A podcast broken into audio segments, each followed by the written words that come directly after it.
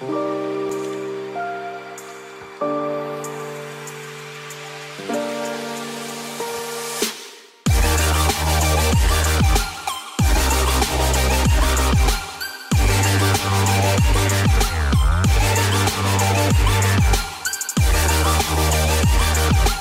ventilkort väger 1,8 kilo per styck. Det måste man kunna göra något åt, Ja, tycker jag.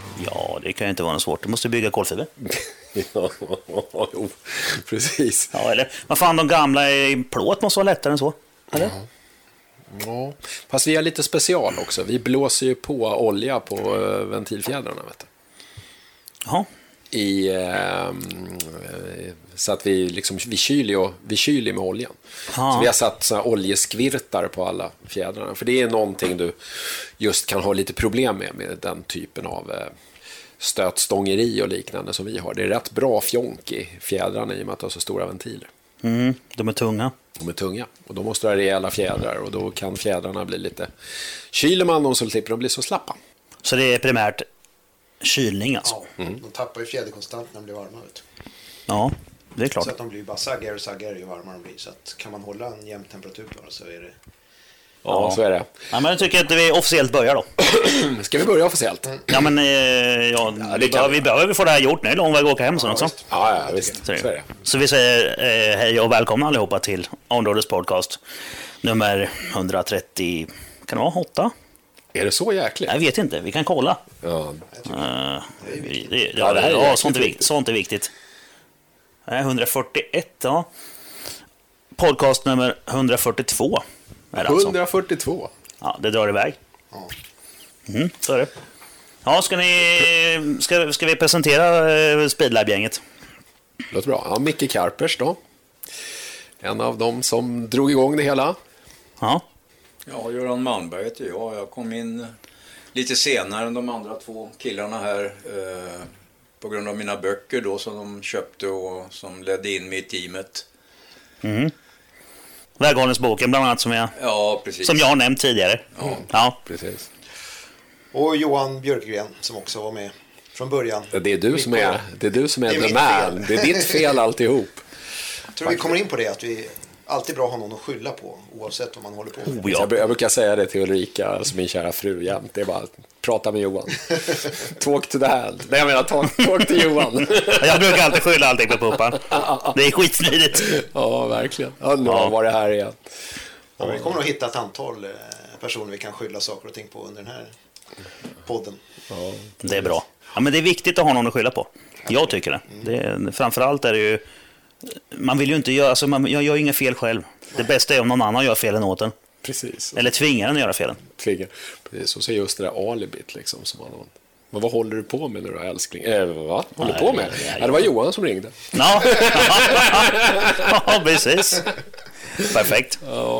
Ja, men eh, vi har ju kommit fram till lite grann här på sidan om att det var en 40-årskris som sparkade igång skiten. Då säger jag att då börjar vi där. Vi börja där? Ja.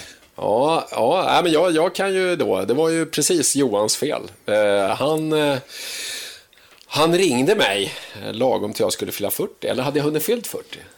Ja, jag tror nog, för du är ju så gammal, du är ett helt år äldre än vad jag är. Ja. Det var nog så att jag var 40 och du var lite 40 och ett halvt. Eller Ja, något. 40 och ett halvt, ja precis. Ja, exakt. Han ringde mig och sa att, eh, hörru du Micke, nu ska vi göra något som vi borde ha gjort för länge sedan. Eh, vadå, sa jag. Ja, och vi ska ta racinglicens, sa han. Och det här var, men vad var det då? 2003? Ja, Det måste ha varit den. Ja. Och då satte vi igång. Då åkte vi ner till Svista och tog eh, racing då. Eh, Formula och hela killevippet, karting och allt det här.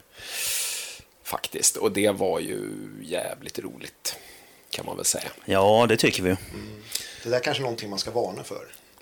Ja, jag brukar säga, det det är klassikern, alltså se till att dina barn börjar köra racing för då har de inte råd med knark. ja, Ja, precis. men den är bra faktiskt. Ja, Den är väldigt bra. Och ja, varken du eller jag har börjat knarka efter. Nej, precis. Det är väldigt knarkfritt faktiskt. ja du ser. Du ser, det är Då, det. då är jag ändå uppfödd i en av de värre gangsterförorterna i Stockholm. Oh. Faktiskt. Att, uff, uff, Aj, aj. nej, Men faktiskt. du har klarat dig från knarket. Ja, men jag, har- jag har, har klasspolare och liknande som båda, varit, båda har dött av alla handa saker. Torpeder och liknande.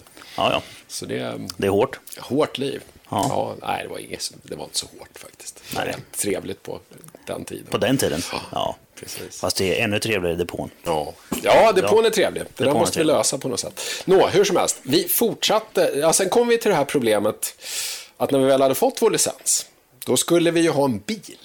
Mm. Och då började vi ju kolla runt. Det var BMW och det var Porschar. För vi, alltså varken Johan eller jag är ju, alltså vi har ingenting med, ihop med jänkarna egentligen. På något sätt. Ni är inte raggare från början? In, inte alls. Och Göran är inte heller raggare. Eh, utan det är bara liksom, det bara blev så. Vi började titta på priser, vi höll på att titta runt och vi bara shit, det var dyrt. Det var mm. sjukt dyrt. Det var det där med knarket igen. Ja, det var det. var ju faktiskt så att vi fick ju testa på en jänkare, för vi hade ju tur där. Ja. har ju lite kompisar som hållit på med dragracing och allt sånt där. Och där var det ju kompisars kompisar. Och då visade det sig att det stod ju en gammal Camaro Cup-kärra i ett garage. Mm. Som vi kunde få hyra. Mm. För 10 000 spänn. Mm. Tre tävlingar. Tre tävlingar var det kvar då. I någonting som hette V8 Challenge. V8 Challenge. Det var ju Skoghags eh, påfund det också. Va? Mm, den körde ju den som utfyllnadsklass på sina SSL långlopp. Jaha, det var en sprintklass alltså? Det var en sprintklass. Mm. Så att... Eh, mm. Och då var det en massa gamla avdänkade raggare med schyssta jänkar och mycket pulver. Och, ja. och det där gick ju bra. Ja, det gick faktiskt ruskigt bra. Rob Robban som vi hyrde den av, han har ju kört, de har ju kört Camaro Cup på riktigt. Så, att säga. Mm, mm. så det var en av hans gamla, gamla kärror där som bara stod. Roliga var det att den stod i en lagård två kilometer från där jag har mitt landställe. Sådär ja. Ja, det är ju jävligt lustigt. Så vi åkte, vi fick, vem, han körde ner den till oss. Ja, hur som ja. helst. Vi fixade till den här gamla bilen. I alla fall, eh, så att den fyllde, uppfyllde reglementet. Och så stack vi ut och, och Robban, ah, fy fan, det här är så jävla, det här är så jävla sjukt. Kommer du ihåg däcken? Oh. vi visste ju ingenting.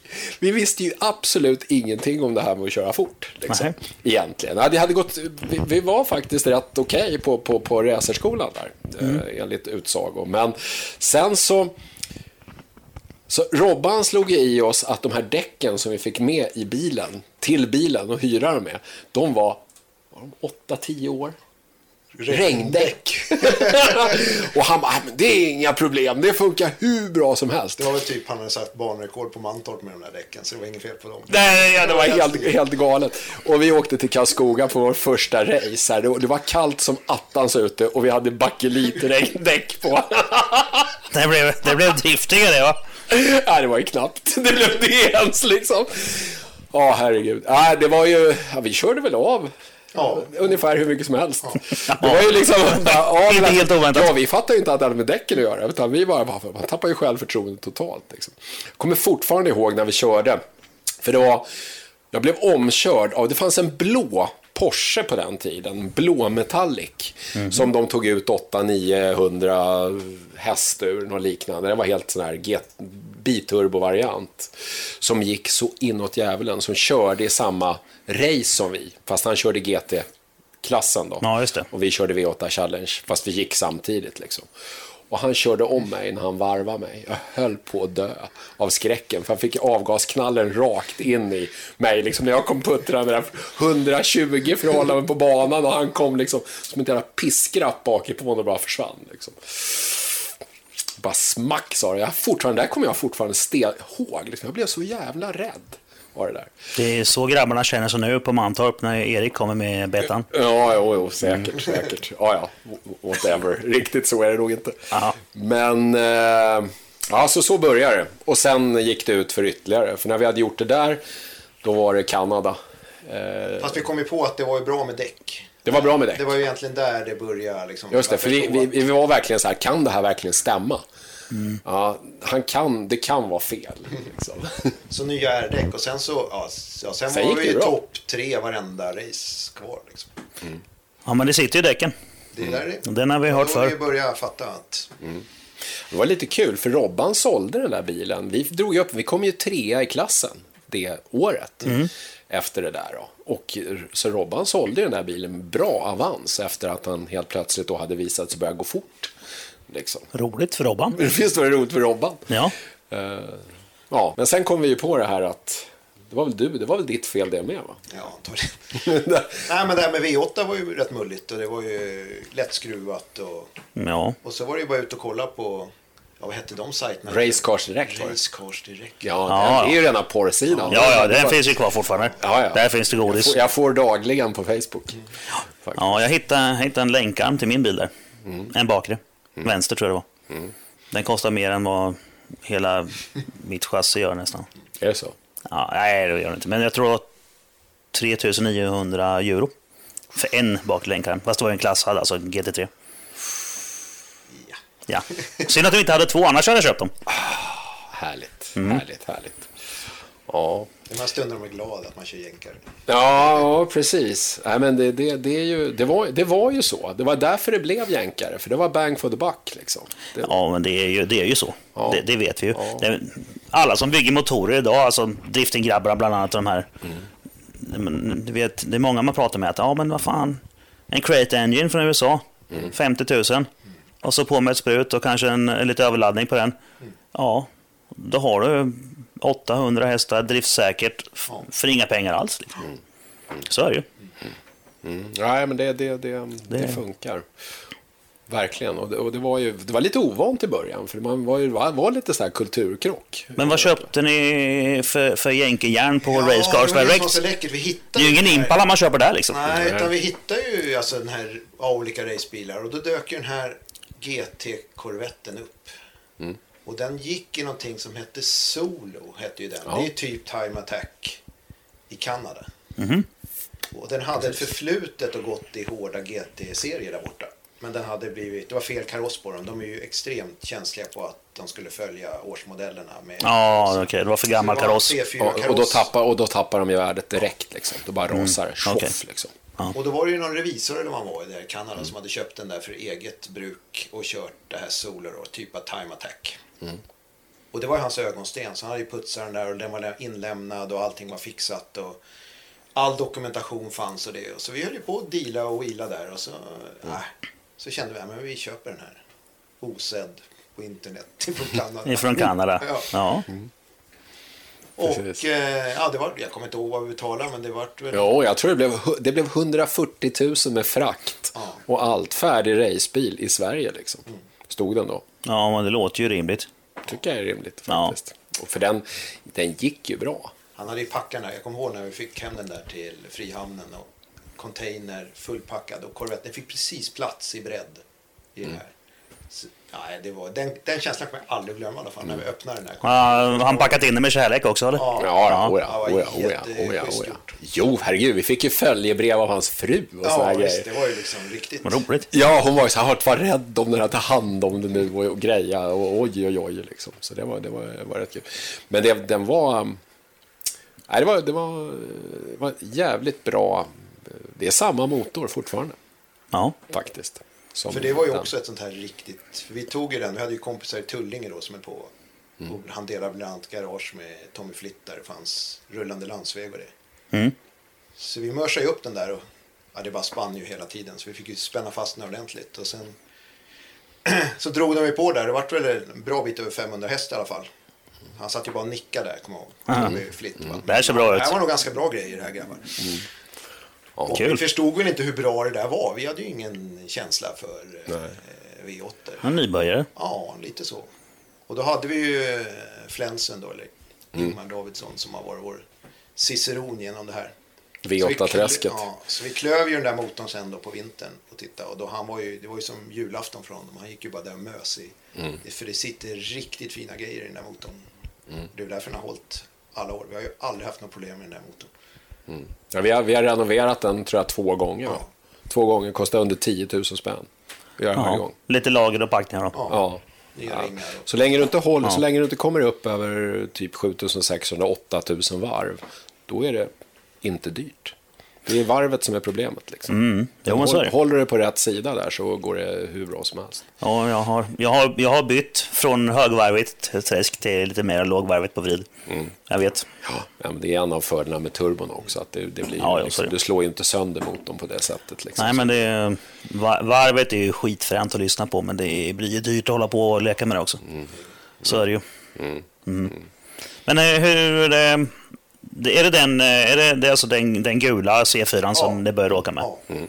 Så den satt blåa speedlab-dekaler på sig, va? Mm. Någon gång i framtiden?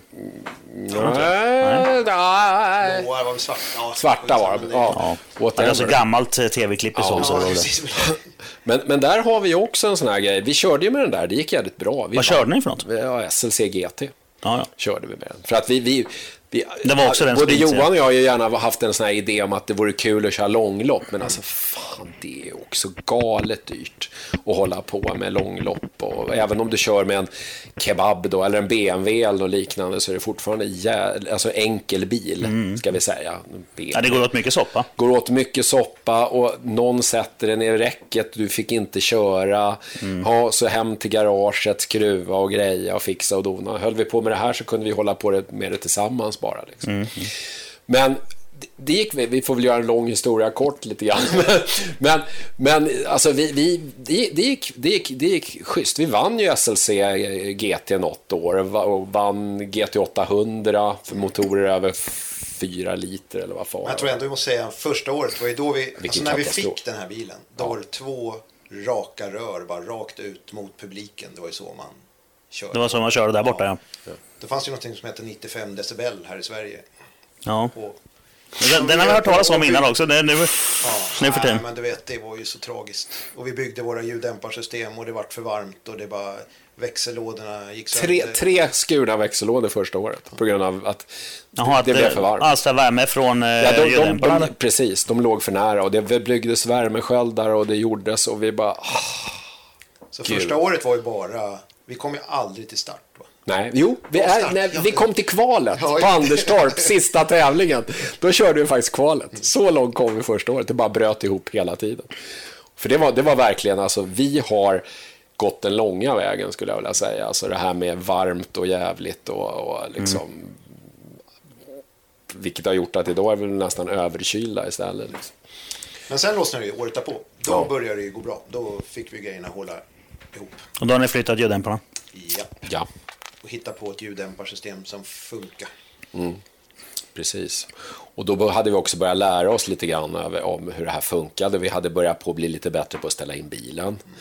Vi hade börjat på att kunna de där grejerna eh, riktigt, riktigt okej. Okay. Eh, också en sån här rolig grej. Några av de här sakerna som vi alltid predikar, det här måste man ju dra då i och med att vi, allt, vi är väldigt intresserade av det här med chassi. Mm. Då var det här, det, det, vi hade, vi hade ju varit så här att vi, vi hade ett problem fjädringen bottnade alltid i karusellen på Anderstorp.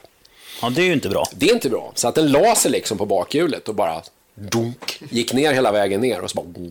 Så drog man igenom den där kurvan. Liksom. Det var ju liksom att sitta på en stel, som en, på en pinne liksom, man körde igenom karusellen. Så då eh, sa vi så här, men fan, äh, men det här kan ju vi snacka. Det var då hade vi börjat träffa, det var första gången vi snackade med Göran. Va? För då sa Göran, jag var hembjuden till dig av någon anledning eh, på något sån här väghållningsboksrelease eller något sånt där. Mm. Tror jag. Eller om det var chassi, chassiboken du höll på med då. Mm.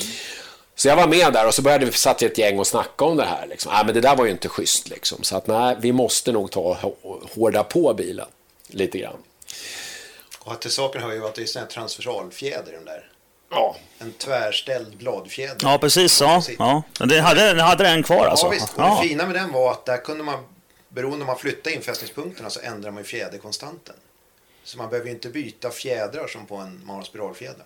Så vi kunde justera fjäderkonstanten och så ja. kunde vi ändra ride heighten. Och så kunde vi testa liksom hur det kändes. Ja, så det var ju klockrent. Så vi gjorde ju justerbara fästen under där så vi kunde ändra fjäderkonstanten. Mm. det är en bra vi... snyting för sådana som mig som hatar bladfjädrar för att ja. det är skit. Ja. Mm. Nej, men det där var inte så tokigt faktiskt. Nej, det är uppenbarligen inte. Nej. För det var ju så att år vi satte ju ganska bra tider på Mantorp och ja, runt 1.20, 1.21 sådär. Ja, men det var på slutet. Ja, det var på slutet. Ja, det var på slutet. Ja, okay, ja, men det är väl relativt bra tid kan man säga. Ja, men det var på, slut, det var på slutet när ja, bilen började bli klar och vi var lite mera inne på hur man faktiskt körde den här bilen på riktigt. Mm, ja. För den var en jädra grej att köra. Så det var som att köra slagskepp i full storm. När det, gick, när det gick som det skulle, då, skulle det vara helt, då kändes det som att man skulle dö överallt. Liksom. Och det var ju det här som faktiskt, där vi började få insikt. För det var ju nämligen så att, okej, okay, vi säger ett år och så hade vi en viss tid. Så kom vi ut, hade vi ändrat om, styvat upp bilen, körde skitdåliga tider. Men bilen kändes helt fantastisk att köra. Precis. Vilken känsla, alltså man skulle bara kom hem depån, bara kvittera ut den bästa tiden man någonsin har satt. Och så var man så här två sekunder långsammare. Vad fan hände där? Ja, men det måste ju vara motorn. Det är det ju alltid. Ja. Ja, ja, ja just ja, ja, ja, så är det ju. Ja. Så vi höll på och mecka där och nej, det var ju ingenting. Och så till slut efter mycket om och men så, vi har ju alltid fått bok på allting. Så flyttade vi, om, Smart. flyttade vi om och satte tillbaka med den gamla Ja, inställningen. för vi sa, liksom, det, här, det här är ju liksom, okej, vi går tillbaka till det vi känner till. Ja. Så kollar vi hur det är. Ja. Liksom. Ja, direkt bara, puff, upp i samma tider som vi hade satt året innan, direkt bara, bump liksom. Men då var det ju precis ett slagskepp. Liksom. Den var helt, helt mjuk och helt- vinglig. Och, men fort gick det. Spännande. Ja. Ja, det var Så väldigt det har vi predikat sedan dess när vi har haft våra kurser. Det, att det är faktiskt...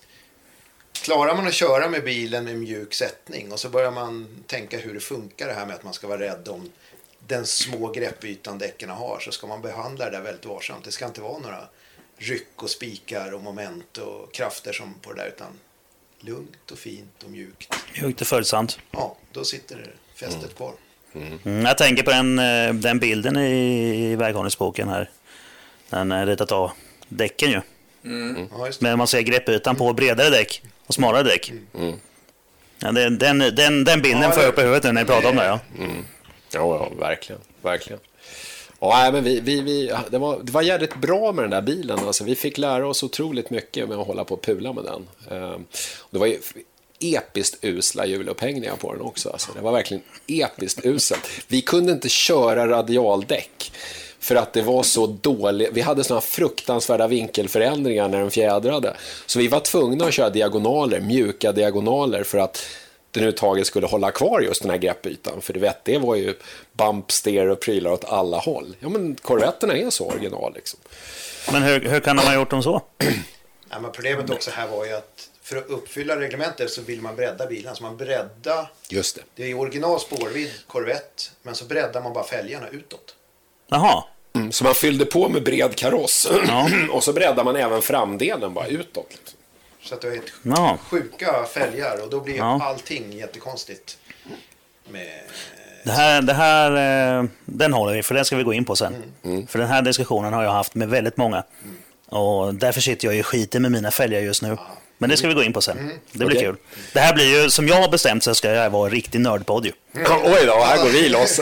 Nej, men det är ju jättebra. Ni är ju nördar. Det ska bli en, en riktig en chassi-nördpodd. Åh, åh, det är bra. Tur att vi har Göran med oss. Ja. Då får vi kanske eh, raska på lite för nu, eftersom du har skyllt allt på mig nu så vill jag börja skylla ifrån mig på Alex nu.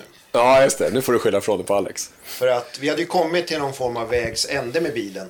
Så att vi, och det var det faktiskt Skoghag som hjälpte oss att sy ihop det här med Alex. Så att vi fick Alex att provköra bilen på Anderstorp. När var det här då? 2000? Jag tror det här var 2005. Ja, Eh, Därför, nej, men han, nej, men han tog ju World Series by Renault senare, så det var 2006. ja det kan ha varit. Nej, 2005. Ja. Ja, Ish. Ja, men det är den filmen som den la ut för ett tag sedan, Ja, Ja. grejen var nämligen så här. Skoghag hade retat sig så länge på att vi in, han tyckte inte riktigt vi fick ut potentialen ur bilen. Jaha. Så han menade, fan grabbar, det måste gå att köra snabbare. Nu kan vi börja skylla på Skoghag känner Nu jag. kan vi skylla på Det är hans Skoghag. fel alltihopa. Alltså, han var lite grann så här. Och, och, alltså, Fredrik är en jädrigt skön prick på det sättet. Lika gnällig och sådär och, och, som han kan vara liksom. Och lite, Mm. Lika liksom så här, ett och tre bara kommer en så här skit schysst grej bara hoppande till en. Så han hade ju grejat där med Alex. Mm. Att han, han, Alex Danielsson skulle komma och ha en körskola med oss på Anderstorp. Ja. Bara, bara för att det var så kul. Tack. Typ. Ja.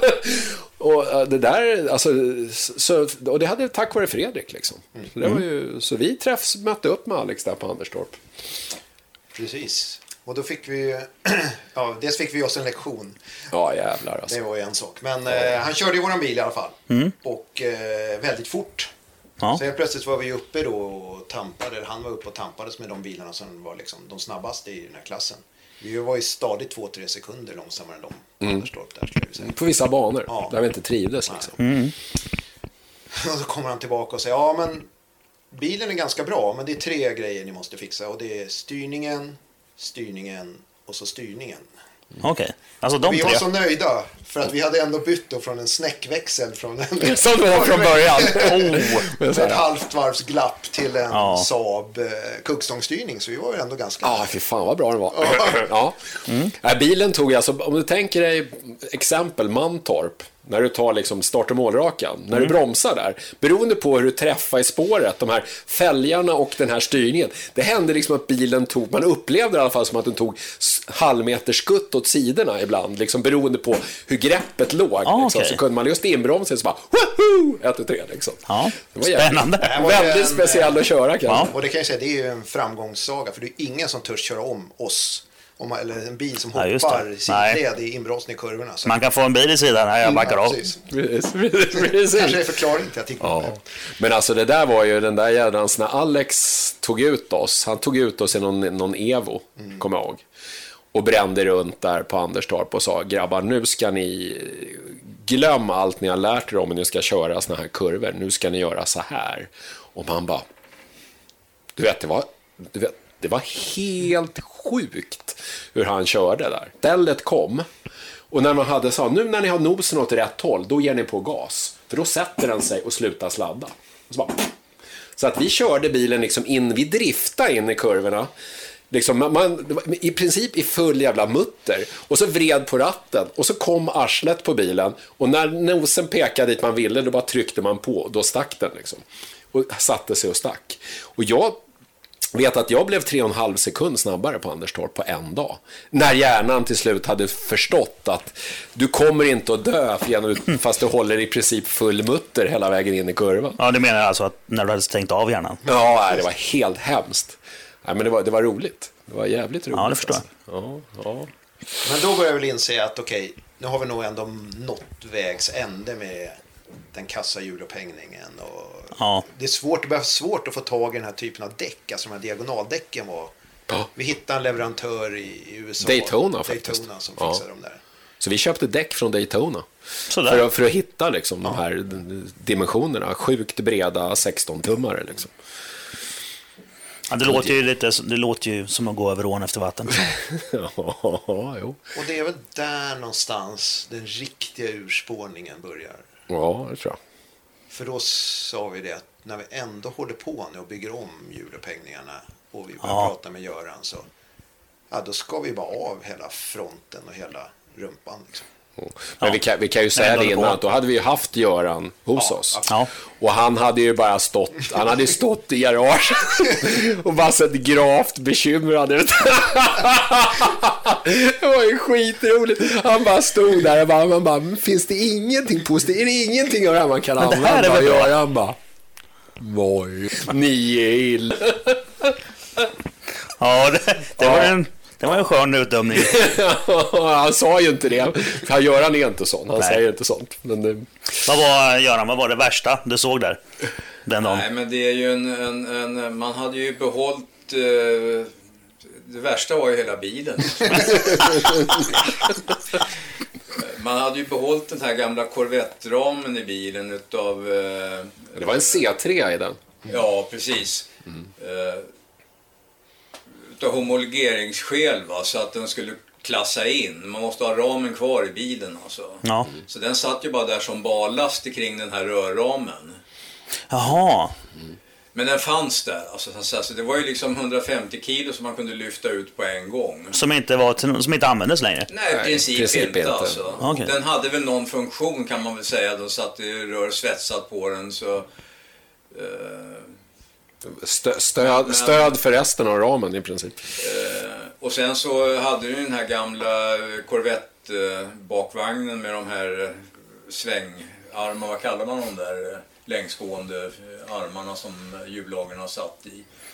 Och A-armar fram då. Alltså just det, det, det var en sån här sving. Vi hade ja, sving. just det, med de här fiolerna. Ja, just det. Just det. Ja. Det är alltså ja. en helt annan geometri i baken i fram. Mm. Jänkarna, har, jänkarna har, ju den, eh, har ju en fördel. Va? Det är att det, det, är ganska likadana bilar som alla kör. Alla har köpt samma typ av rörsätt eh, för att sätta in i bilen och byggt om dem väldigt snarlika. Mm. Så att eh, det blir ungefär som STCC. Va? När det finns 10 bilar eller 100 bilar i Amerika som är likadana då får man en väldig massa erfarenhet alltså.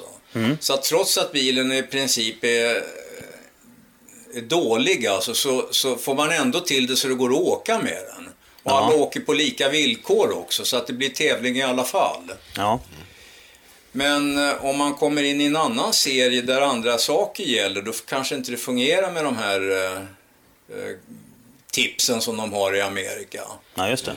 Eh, och balansera en sån här bil alltså som har, så, så det, det, är ungefär som en, en Hot Rod med Jaguar-bakvagn och Tanus-framvagn. Man får vara glad om man kan åka över Tranebergsbron med dem, alltså utan att köra in i staketet. Men det ser ball ut kanske då. Men det här var, såg inte ens ball ut när man tittar på det. Nej. Men som sagt, vi körde faktiskt eh, ja, i princip ja. 1,20 på Mantorp, så så illa var det faktiskt men, inte. Men det är, det är ju alltså, bilen är ju väldigt utsorterad för att vara det den är. Som men ändrar man på den, så man når ju som vi kom fram till, till vägs ände. Va? Ja. Mm. Och sen kan man inte göra mycket mer. Men det var väl det Alex sa också. Mm, ja. Han sa ju det, det här är ju, alltså det, den är, det går nog inte att skruva till den mer. Den är som jag, det bör vara. Ja, liksom. alltså, det är så, det är så mycket erfarenhet ja. i som den var. Mm. Så att det är så långt man kommer med den. Mm. Längre kommer man inte va? Det, Nej, det, där var det stopp. Det tar stopp där alltså. Mm, precis. Alltså, och sen det... började vi ju mäta och titta och upptäckte att bilen var ungefär, ramen på den var ju 30 mm skev. Alltså, det lutade allting, ingenting så var rakt på den av de här rördelarna som var ditsvetsade. Så att, det låter amerikanskt. Ja, det, det, du, det var, det var så dåliga svetsar som man fick i frostbrytningar ja. alltså, emellanåt. Våra kära svetsare Christer i teamet då, han var ju helt eh, förstörd när han stod och höll på med det där. Det här tror jag jag faktiskt har läst ja. i projekttråden. Ja. Ja. ja. Nej, men, men det, det vi gjorde med den då, det, sen då, det var ju just det här att vi kapade av den. Vi kollade ju in de reglementena i de serierna vi ville köra. Vi ville bygga den för modsport, den skulle kunna gå i modsport och den skulle kunna gå i Nordic Supercar. Mm. Och då kollade vi in det här, vad är det vi behöver ha för delar kvar, eh, original, för att, kunna, för att kunna köra den. Och då blev det, då, så de ramdelarna då som var med i kraven, eh, rutramen skulle vara kvar original, den är med. Alla dimensioner är som det ska vara. Eh, mittburen är precis eh, den som var med från början faktiskt. För den är godkänd av Bilsportförbundet mm. också. Det är ju alltid lite special det där, vem som har gjort buren, det vet du själv. Liksom. Ja, precis. Det Men så det här, det här röret som går mitt igenom eh, kupén bara, det var från början också? Nej. Nej, för det har jag för mig att mm. ni svetsade dit när ni byggde om det va? Mm, det gjorde ja. vi. Därför att där var en av de stora. Vi, vi, vi, Göran spände ju upp bilen. Och, så vi testade ju vridstyv, vridstyvheten ja, på den. Vi höll på att mm. testa vrid, vridet på den. Och så satte vi dit, konstaterade, mätte vi upp vad flexar mest. Ja. Och så konstaterade vi att det här är väl det stället man skulle kunna sätta en grej på för att få bort flexet. Och jag vet inte hur, hur mycket många procent var det? 30-40 procent ökar vridstyvheten med det hela Med ett jävla rör. Ja, med ett rör. Så tänk på det när man byter ut sin limmade ruta, framruta. Ja. Och sätter dit en Lexan. Det kan ja, det är en monokopp. Ja, mm. kan ju bli katastrof för chassit. Mm. Ja, verkligen. Mm. Ja, har ju den metod, jag har ju den metoden då att eh, jag använder en simpel metod. Då. Jag köper sådana här elrör, plast 20 mm som drar sladdar i taket. Ja. Där, och de där finns så att man kan stoppa dem i varann och dra dem in och ut så här då. Mm. Teleskop helt enkelt. Ja, precis. Ja. ja, precis ja. Och eh, sen sätter jag in en fjäder mellan rören, borrar ett par hål, stoppar in en sprint och då kan man klämma ihop det där röret och släppa det så åker det ut igen. Va? Så blir den längre. Man kan alltså klämma ihop den här så stoppar man in den diagonalt i rörramen. Mm. Så ritar man ett streck precis där rören skarvar. Och så sätter man in 15 sådana här rör på alla möjliga ställen på alla diagonaler i hela bilen. Så sätter man upp den i, i, i fast den i, i, i de främre coiloverinfästningarna och sen vrider man den med en lång hävstång eh, om våg och, och domkraft i den andra änden. Mm. Enkelt förklarat alltså. Ja. Och sen belastar man till exempel till en, en, en viss, eh, att man har vridit den en grad och ser hur många kilos eh, vridmoment man har för att vrida den en grad. Mm.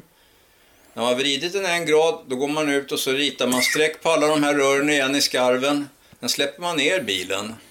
Sen drar man isär rören och så tittar man hur många millimeter har den rört sig på varenda ställe. Mm. Där den rör sig mest, där har man ju största felet. Ja, precis. Och Ganska sen enkelt. så eh, diagonalar man helt enkelt alla öppna eh, ytor Sen skiter man i om man ser något ut eller inte, men det är en helt annan ja, precis, ja, ja. Man får ju sätta det praktiskt, praktiskt det går. Ja, Till exempel så takstrevan sitter snett på ett sätt så att den inte träffar hjälmen. Ja, Sätter man åt andra diagonalen så blir det svårare att sitta i den. Ja. Framrutan, där kan man luta den så man kan titta ut över ratten då helst utan att se den där strevan. Mm. Mm. Så det funkar ganska bra alltså. Och eh, på så vis så räddar man två stora ytor. Den öppna ytan i taket och eh, diagonalen i vindrutan. Och sen är det många andra diagonaler också. Va? Men eh, det är ungefär så som vi har kommit fram till eh, hur vi ska få bilen styv ordentligt. Alltså, man kan säga att som den är nu så ligger den på lite drygt 20 000 Newtonmeter per grad. Mm. Ja. Mm. Det, det, låter ju som uh, rätt okej okay, faktiskt. Det är ja. helt okej. Okay. Ja, fast BMW, och det ska BMW man ställa i relation till vikten på bilen. Va? För det är vikten på bilen som, som, som, som belastar uh, eh, vridstyvhet. Om man lättare bil så kan man ha mindre vridstyvhet, mm. givetvis. Ja, precis. Mm. Men där är väl BMW föregångare? Va? De, alltså, är, de är ganska bra på att bygga styva Ja, det, det roliga är ju att den karossen jag har, mm. i86, mm. det är ju den värsta de har gjort. Mm. Och eh, jag kommer inte ihåg siffran nu, men jag jämförde med, eh, med eh, eftersom jag hade E30 innan så mm. hittade jag, jag hittade inga siffror på vanlig E30 och framförallt inte på min som var så jävla ombyggd. Mm. Men E30 M3 hittade jag ju siffror på mm. och den var ju rätt bra. Mm. Och, bra. Eh, och Z4 var 39% mer vidstyv. Mm. Det, det, fanns, det fanns ju siffror på, på det här med hur många Newton det var, men jag kommer inte ihåg utantill mm. nu. Mm. Och gissar jag så blir det bara konstigt om det blir fel. Mm, jag läste det Men det där. går att googla fram tror jag. Mm. Men den, den, är, just E86 är ju riktigt men, men elak. De, de, brukar faktiskt, jag kommer ihåg att när vi höll på med det här så var det just, då var det, togs BMW alltid upp som bra exempel på hur man byggde moderna karosser. Mm. I och med att jag har kört omkring med en Saab 9000 väldigt länge så vet jag redan när det blir mjukt. Ja, ja, ja.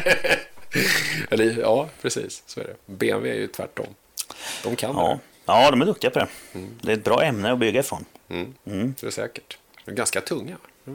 Ja, min bil väger 1367 med mig. Ja. det är inte så farligt. Ja, jag vill gärna ner en 300 kilo.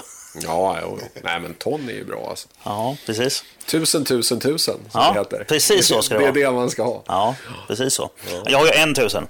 Ja. Jag hade ju, nu har jag inte det, men jag hade det ju i somras. Jag hade 1012 Newton på hjulen. Men den var så svårkörd då. Det var den? Nej, jag hade ju, det var en wastegate som hade hängts öppen. Mm. Eller stängd snarare, det gick inte att öppna. Mm. Så då pikade laddet. Mm. Och när vi byggde om det sen så eh, fick vi inte upp den till mer än 773. Nej. Nej.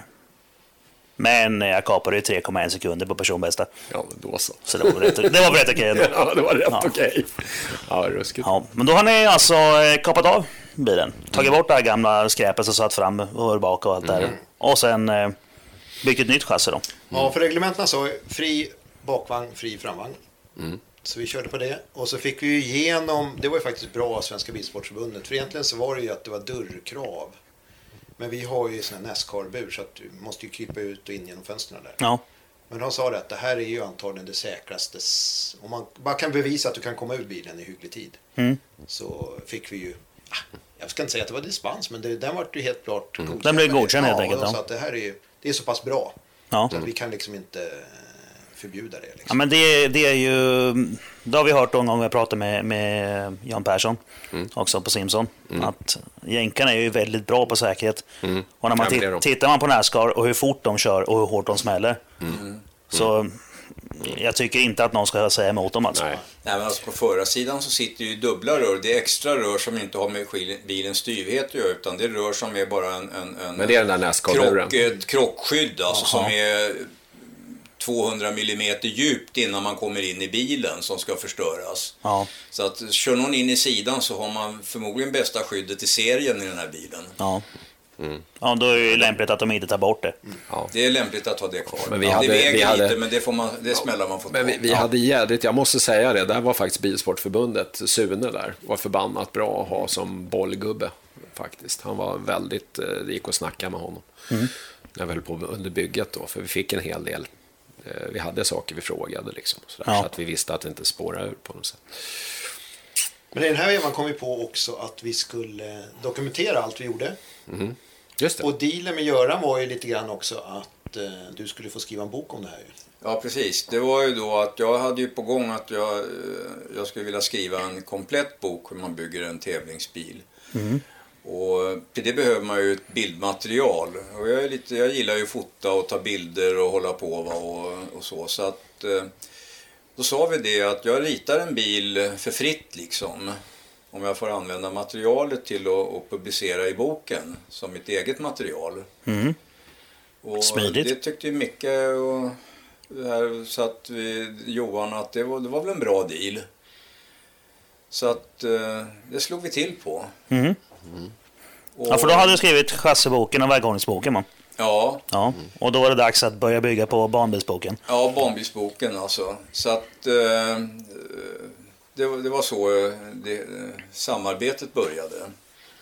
Mm. Och eh, då började jag med att så att säga göra upp en skiss på efter en viss metod då, som står angivet i, i, i banbilsboken att eh, eh, man placerar ut alla saker. Liksom. Här måste sitta en förare. Här sitter alla givna grejer. Då har vi till exempel spårvidden 200 mm, eller 2 meter. Okej, okay, vi sätter fyra hjul på, på rätt spårvidd. Vad kan, ska vi ha för axelavstånd och sådana saker som var givna? Vi har så här snabba banor, då kan det vara lämpligt kanske att behålla den här eh, axelavståndet som var ganska kort på korvetten för att få den lite lättrörlig då. Mm. Men det hade ju också, det hade ju också att göra med just det här för att få vara mer reglementsmässigt. Man liksom, vi var ju, tvungna, ja, det vi var ju, vi var ju tvungna Alla givna förutsättningar. Det, ju, man, man, ja. det som måste sitta där det måste sitta för att det ja. har förutsatt. Ja, Motorn, den kan sitta här, 200 mm tillbakaflyttad. Bakaklumpen hamnar här. Var kommer föraren att hamna? Ja, precis. Det är många sådana här placeringar som, som så att säga inte går att ifrågasätta. Va? Ja. Och sen har jag placerat ut det där så, så tittar ju vad tillbehören ska komma, mycket andra saker, drivaxlar och var A-armarna bör fästas in och så vidare.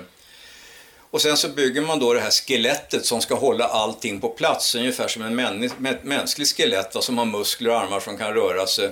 Så är det ett skelett som, som ska hålla allting det här i, på, i rätt position. Alltså. Mm. Och då gäller det att man har alla, alla delar på hela bilen utplacerade eh, när man börjar eh, svetsa ihop saker och ting. Därför att det är enklare som jag brukar säga att skrynkla ihop en ritning och kasta den eller trycka på delete på datorn. Aha. Än att skrynkla ihop hela bilen för att man började ha bilen som ritning när man, och ser att ja, men nu får vi inte dit det och det därför att det här röret kommer i vägen. Får man Ja. göra om allting. Ja. Så att det är väldigt viktigt. Va? Så jag gjorde ju en komplett ritning på hela bilen då. Och som även man, eh, finns med då i, i den här boken, ban- banbilsboken, hur man gör då. Så att bilen är uppbyggd i sektioner, alltså i fyra sektioner. Som var och en är vridstyv i sig. Alltså det, vridstyvheten är inte förflyttad från en sektion där streve går in i en annan sektion och är infästad. Utan varje sektion är, är så att säga diagonalad för sig och sen är de ihop. Så har ju, Det låter tungt det här, Göran. va? Det här låter tungt. för tungt? Ja, det låter för tungt. Nej, men jag tänkte om du, om du gör varje sektion för sig och sen slår ihop det, då låter det onödigt tungt. Ja, men alltså där har, ja, du menar viktmässigt? Ja, det är Jag trodde klart. det var tungt intellektuellt. nej, nej, men viktmässigt, nej, men då är det så här va, att där sektionerna sätts ihop, där är ju kryssningarna så att säga gemensamma. Den får ju en gemensam kryssning för två sektioner som sätter ihop i just ihopfogningssnittet. Så att det, det, där använder man samma, va? så det blir egentligen en, en viktfördel av det, att kunna göra så. Då blir man glad igen. nu, blev- nu, kände jag, nu kände jag att jag blev lugn. Jag var lite osäker på om jag var tvungen att det, ta fram det, det är så det kapen. funkar. Så att motorsdelen har en del. Den delen som sitter helt framför, det som håller framvagnen, det är en vridstyvhetsdel. Så den främre delen av motorplåten som den sitter monterad i, den kryssar alltså både den första delen och motordelen, framvagnsdelen och motordelen. I själva den här motorplåten. Och sen hjälper då hela, sen kommer det in med bakre motorplåten som kryssar emot kupén. Ja. ja det låter lite smått genomtänkt Då blir faktiskt. motorn en bärande del som är vridstyv också. Ja. Ja. Jo. Och sen har du bakre brandväggen och sen, väggen och sen så kommer den bakre sektionen med bakvagn och sånt. Va? Ja, ja jag, tänker ett, ett gjutjärns motorblock, eh, gammalt jänkejärn, den vrider man inte på. Nej, det vrider man inte på. Vrider man inte på. Det är fruktansvärt stadigt alltså. Ja. Ja, Då börjar det bli ett chassi nu då. Och parallellt med det där så la vi ju ut, vi bestämde oss att vi lägger ut allt på Reisa. Mm. För att det vi upplevde när vi började köra med det här det är att det är så sjukt positiv atmosfär ändå i den här racingvärlden. I alla fall om man inte är på banan. Men när, när om det är någon som strular i depån eller någonting så hjälps man åt. Mm. ja SLC-serien var Den väldigt... det var, vi hade jädrigt kul där. Mm. Och likadant SPVM och det här. Det har varit väldigt liksom, man hjälpte varandra jädrigt mycket. Ja, Så- ja. så- Jo men det är så. filosofi där att vi... Oj, nu kommer barnen. Ja, nu är det, Hej, nu är det godnatt här. Hej! Kan ni gå och sova nu? Mm. Jag ska, jag ska göra en sån här då. Ska du en katt? Ja.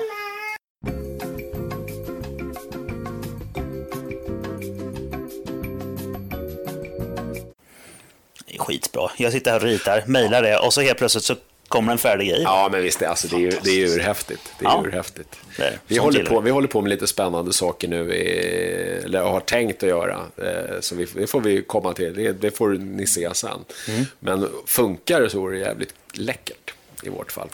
Det här är ju ett ganska genomgående tema när du är inblandad. Om det funkar så blir det skitläckert. Mm, ja, Ja, mm, så är det. om. Om, ja, men Om. vadå om? Fan, bilen har gått 60 varv sedan den kom ut. Ja, men då så. Tycker det har gått ganska okej. Ja, jag tycker Ja, ja, jo, det, det tog lång tid bara. Ja, det tog Ja. väldigt lång tid. Och lite små Ja, när vi ändå håller på. Det är Ja, det är vårt, jättebra. vårt signum. När Ja. vi ändå håller på ska vi inte göra så här. Liksom. Vi måste säga att vi är tillbaka efter hissmusiken också. Just Ja, ja. För jag har haft mitt hissmusik nu. Ni, Okej. ni har inte hört det, men jag har hört den här inne. Okej. Okej, det är bra. Ja. Ja. men fortsätt Johan. Just det, vad var vi? Vi, var, Racea. vi, började lägga ut på racea. Ja, Ja, och det var ju liksom jag följde den tråden från eh, början faktiskt. Jo, jag vet. Mhm. Vad så En filosofisk fråga från oss. Att vi sa egentligen att nej, men vi gör det. Vi är öppna med allt vi gör för att skapa inspiration. För ju fler som håller på och kör racing, desto roligare blir det. Det var ju liksom grundkonceptet. För annars blir det gärna att det är många som vill mörka vad man har gjort och, och sånt här. Men vi tänkte att vi kör helt öppna kort. Mm. Dels så skriver Göran en bra bok om det här. Men så delar vi med oss med bilder och får diskussioner och allting. Och det vart ju... Ja, det, vi ångrar absolut inte att vi gör det. Visst, vi har fått mycket skit. Det ringde ju från... Var det norska bilsportförbundet? Ja, gud ja. Så var det också. Ja, ja. För vi höll ju på att göra en bil mot... eh, för Time Attack då. Ja, Nej, vad heter det? Nordic ja Super- Nordic Supercar. Och då var det norska bilsportförbundet va, som Mm. drev det. För det var ju en av killarna i norska, nors, en av norrmännen som var med och körde. Ja, just det. Som tyckte att nu börjar det här se lite väl snabbt ut. Det här gillar vi inte alls. Så Nej. han, han satte norska bilsportförbundet på oss. Så de eh, frågade oss, vad håller ni på med? Ja, ja, vi bygger en bil. Ja, då talade vi om vad vi höll på med. Se här, här är allting, så här har vi tänkt, det här är inte reglementet. Och de bara så här, ser skitbra ut. Kämpegött. Tack, tack. Kör på. Ja, Ja, då var det lite så här, "Hå? vad var det som hände? ja. men det är, ju, det är ju egentligen ett bra betyg att folk börjar bli rädda. Ja, ja, visst. Sen fick vi faktiskt, vi har faktiskt fått Corvette Racing, alltså riktiga Corvette Racing har hört av sig också. Ingenjörer från Corvette Racing har hört av sig och sagt att Fan, det här var ju jävligt kul, men liksom vad har ni för, liksom, vad, vad håller, vad, vad, liksom, finns det såna här regler någonstans i världen att man får gå loss så här? Liksom. Och vi, det här var ju skitkul, så att vi har ju fått en hel del. Vi fick, de frågar vad använder ni för något till det här och hur gör ni det här? Jaha, ja, okej, okay, bra, då ska ni veta om det här. Ni måste tänka på de här servicetimmarna, ni måste tänka på det här och det här och det här. Ja, ah, ni fick någonting tillbaka också. Vi fick någonting tillbaka, det var alltså, Roligt. jättekul. Ja, det var i framljuslagren, ja. vilka vi haft mycket väl visat sig. Jag förstår varför de det var ett av problemen vi hade på Knutstorp. Ja, det... Eh, de gav sig ju liksom. Ja, det var därför vi inte kunde göra bollen där. För ni höll på att mecka, just den gången var det, hade det lite snett på bromsbeläggningen. Ja, men vi fattade inte vad det var. Nej. Alltså vi fattade verkligen inte vad det var. Utan, utan det var bara, vi trodde ju, det kan ju fortfarande givetvis vara så att det är av någon anledning uprightsen som inte håller. Men alltså, nej, jag tror på lagren alltså. Tittar du på sådana här lager... Med tanke på vad Corvette Racing sa om den här lagren också. Mm. Man tittar på ja, vi får ju mäta upp det ja, alltså. Det kommer vi ja, ja. Men det var ändå bara läckert att, tänk vad det sprider sig. Ja, skithäftigt ju. Ja. Och nu har vi, vi, har ju sålt, vi säljer ju böcker runt om. Vi har ju sålt till Nya Zeeland och till Australien och allt möjligt. Och i Australien så... De här böckerna alltså? Ja, ja. Nej, vi har ju Chassis Book. Det finns ja, ju... men jag har gjort en engelsk variant av ja. Alltså. ja. Så att... Eh, Kul. Det, det, finns en kille, Dave Brennan heter han. I, uh, han, har ju en, han har ju en Nascar 2.2 motor i sin bil. Håller på att bygga nere, bygger nere i Kanada nu. Han kör ju de här, eh, eller vad säger jag, australiensiska mm. motsvarigheterna då med de här jädra bilarna då de ligger uppåt 800-900 sughästar.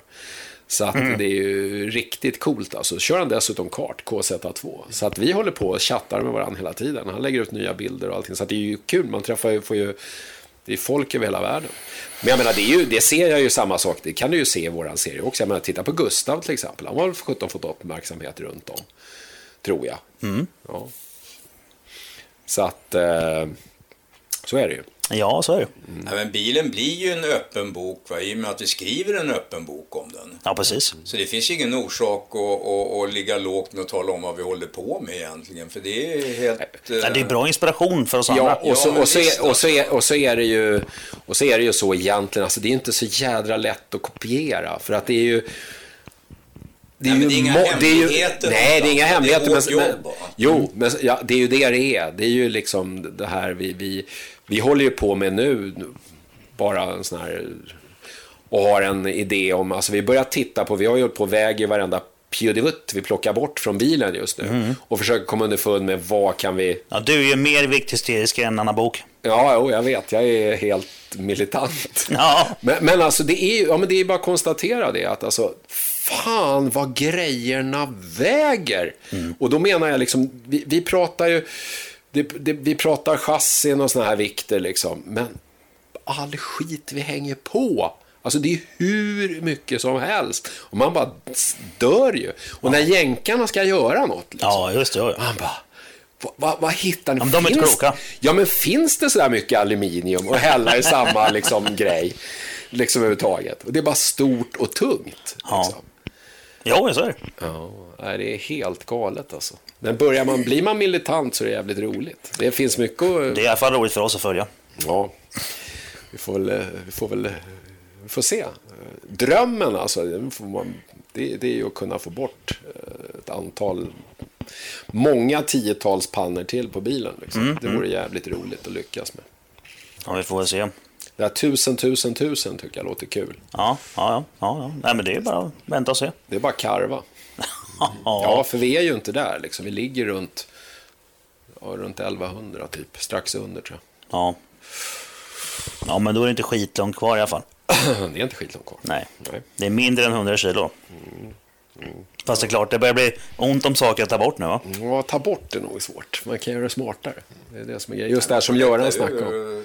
Korta av och göra lättare. Vi kan svarva fler bultskallar än tidigare. Alltså. Ja, hela grejen. Det är en miljon grejer att ta bort ett gram på. Ja, det är det. Så att uh, i den romantiska världen alltså, där, där finns det tricks på resebilarna för att få dem att gå fort. Men i den fysiska världen, där får man brottas med verkligheten. Ja, jo, det är väl det. Men det var väl, var det inte så de började, japanerna, va? När de började gå ner från 13 till 12 skalle på M8-bultarna och mm. allt här. Mm. Det, är ju, det är så enkelt. Mm. Det, är så, det är så typiskt japaner. Mm. Men japanerna, alltså, jag måste ju säga det, japanerna är ju lite grann sådär att har de bestämt sig för något, Alltså det är lite så. Jag, är du japan? Ja, jag har levt en del i, i bilstereovärlden till exempel. Och, och där är det just... Ursäkta? Ja, Du har inte hållit på med DB Drag Racing och sånt? Nej, nej, inte så. Det var välljud i mitt det. fall. Ja, men då så. Men i alla fall, då, var då är det verkligen så där att där är det så att när japanerna verkligen bestämmer sig för att nu jävlar så ska vi göra något, då gör de det ofta jäkligt bra. Ja. Det är bara att konstatera. Ja, då är så. Fast jag kan, man kan ju fråga sig vad Honda hållit på med i Formel 1 här nu ett par år. Det där är en väldigt ojapanskt skulle jag säga. Ja, det är det. Men det är, det, är- det, är- jag, är, jag är lika övertygad som många andra att till slut Mm. så kommer det. Tror du de kommer att, finns de kvar överhuvudtaget nästa år? Är det någon som kör med? Ja, men det, det har du inte varit med, har du inte hängt med. Nej, jag, då, har jag missat det. Jag vet Ja, ja, att McLaren är klara. De byter till Renault och Toro Rosso kommer få ta över Honda. Ja, det var så det var. Just det, Mm. det stämmer. Ja, Och därför kör Carlos Sainz nu i Renault. Ja, just det. Det var så det var, ja. Ja. Och, nej, jag följer ju egentligen med. Jag tycker det där är rätt kul, men det där hade jag bommat. Jag tycker det är synd att de har klantat sig så. Jag hade förväntat mig att det skulle gå bra. Ja, det hade alla gjort. Ja. Men jag tror väl, det är väl det, vi får nog vänta tills nästa... De pratar ju om eh, V6 med dubbelturbo Mm. nu för tiden. Till nästa reglemente. Men det är inte förrän 20. Nej, men då, då är det fart på dem. Men Alonso körde ju hur fort som helst här nu. Mm, Så att eh, det är på gång om de får det att hålla. Men det är ju det är samma grej tydligen. Mm. Som håller på att bråka hela tiden. Om det är mellan axeln och turbon eller något sånt där som de pratar om. Vi får väl se. Men det är ju det där eviga problemet. Det slåss ju vi med också hela tiden. Hela den här första delen när vi väl kom ut. Alltså det är ju det där att vi, vi har ju alltid, vi försöker alltid gå så lätt och så snålt som möjligt hela tiden. Och det är ju jobbigt. Ja, men det, det påverkar ju tillförlitligheten. Det är, ingen snack, så är det ju. Ja, så är det ju. Så Ja. är det, ju. det är ju jobbigt liksom. Och så får man hålla på och så får man hålla på. Och slut blir man så här, okej då, på med den där jävla Biltema-pumpen då. Ja, För vi måste ju i alla fall komma iväg. ja. Ja. Men den funkar väl? Den funkar, men det är ju, här är ju tam- nu, nu smides det nya planer. Ja, så, såklart. såklart det gör. Vart var vi i historien? Vi var väl... Eh... Vad var vi? Ja, men vi, var, vi började skriva på racea. Ja. Göran skriver boken, Thomas och bilder. bok, eh, bilen börjar ta form. Ja. Nej, inte köpt någon plast än. Eh, de ringde från Norge. Just det, Norge. Men Och det var ju det där med plast ja. För då hittar vi ju en C6 GT-kaross. Alltså det gällde ju att hitta en kaross som var två meter bred. Mm. Så då hittade vi ju en sån i US.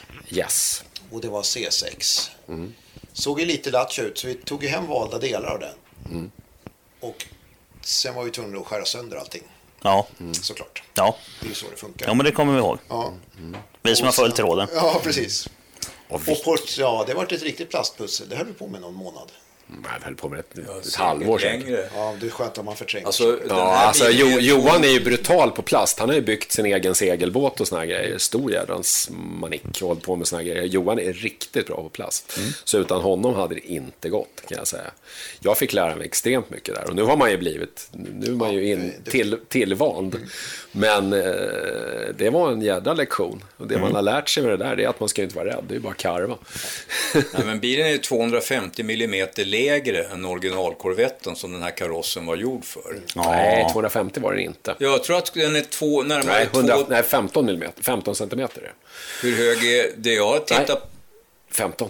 Du är bergs på det? Ja, jag är bergis på det. Ja, okej. Ja, för det- originalkorvetten Fy- är 100, originalkorvetten är 120 Ja, någonstans. någonting och den här är 108 eller något sånt där. Ja, det blev väl det med bubblorna, men kalkylerat från början var 105 alltså. Ja, jo, jag tror det. Men C4 är Och då är det upp till 125 är det 20 centimeter. Ja. men, men det har varierat genom åren, alltså de där höjden också. För att det, Ja. det är ju det att bur och allting sånt där i våran är ju från en C4. Det var ju det som ställde till det. Ja. Det är det är ju en C4-bur. Ja, precis. Så rutramen är fortfarande C4 också. Ja, och de är ju låga. C4 är riktigt, har Ja. riktigt låg eh, Jag har rider. faktiskt kört C4 en sväng. Eh, en kompis som jag hade en sån. Ja. Det var en, en ganska trevlig bil. Ja, då. För att vara en 80-talare. Plastig. Det är Ja, i alla ja, fall ja. mycket att sektionera. Ja, det blir det. Precis. Ja, Få eh, klippa och klistra och dra isär. precis. För det är faktiskt så. C, C4 är ju den lägsta korvetten. C5 C6 var rätt hög i förhållande till en C4. Jag tror alltså original, om du tar gatbilen, vi pratar om nu, liksom, skiljer. Jag tror C4 är 112 eller något sånt där. Ganska låg.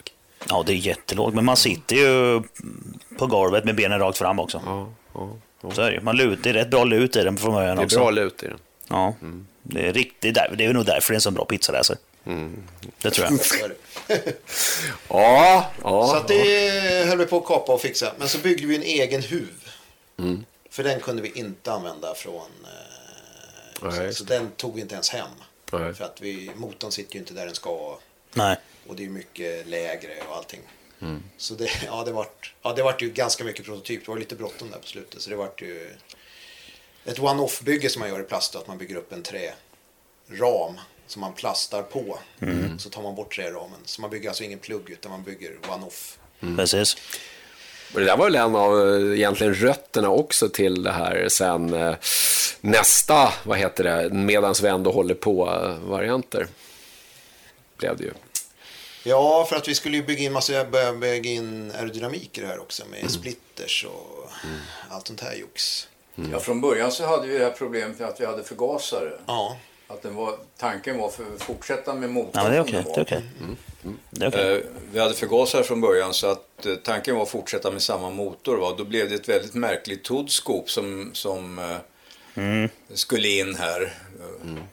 Ja, just det. Det kommer jag ihåg också. Det var ju skitmärkligt. Med det här runda luftfiltret i också. Ja, ja visst. Ja. men där var det ju faktiskt för vi, har ju, vi hade ju lärt oss otroligt mycket om det här med värmeproblemen. Så vi byggde ju ett avgassystemet gick ju bakom motorn i Ja, in i, och i dörren kommer jag ihåg. Ja. Och då hade vi byggt, isolerat det och så hade vi byggt det som en termos. Och sen i det här skopet så hade vi två kanaler som blåste in kallluft genom hela det här. Så ni ventilerade Vi runt. ventilerade den här termosen och blåste ut värmen i dörren. Så att det var ganska sofistikerat och det där funkade ju faktiskt riktigt bra. För de där rören, de, ja det är ju glödgat liksom. Ja. Och så har man det i knähöjd. princip. Då lät det som vi varvar 20 000. Jaha. Ja, den lät ju fantastiskt. Alltså, den var ju, alltså, det är ju ren porr och inget annat. Den, den lät ju som en, med det avgassystemet som Göran byggde till det här 7, 7Y-systemet, så får du ju helt jämna tändpulser ut ur det. Du får inte det här jänki ojämna liksom, hickandet, utan du fick det där bara... bara Det blir yr. Ja, fy fan. Kommer du ihåg det här första lilla systemet vi byggde? När, du- jag kommer ihåg när Gör, det- vad heter det, Johan körde på Falkenberg och jag stod där ute och man bara, då kom han så här, wop, wop, wop, och så, när han åkte förbi. Och man bara, Ja, riktigt så låter den ju inte nu. nej, alltså, åh gud alltså, vilket jävla ljud. Men då körde vi ju det året, eller var det året efter, lite årsvild här men. Nej, vi körde, 2010 kom vi ut. Ja, just 2010 var vi klara. Vi skulle ju bygga klart den över vintern, säsongen 2007.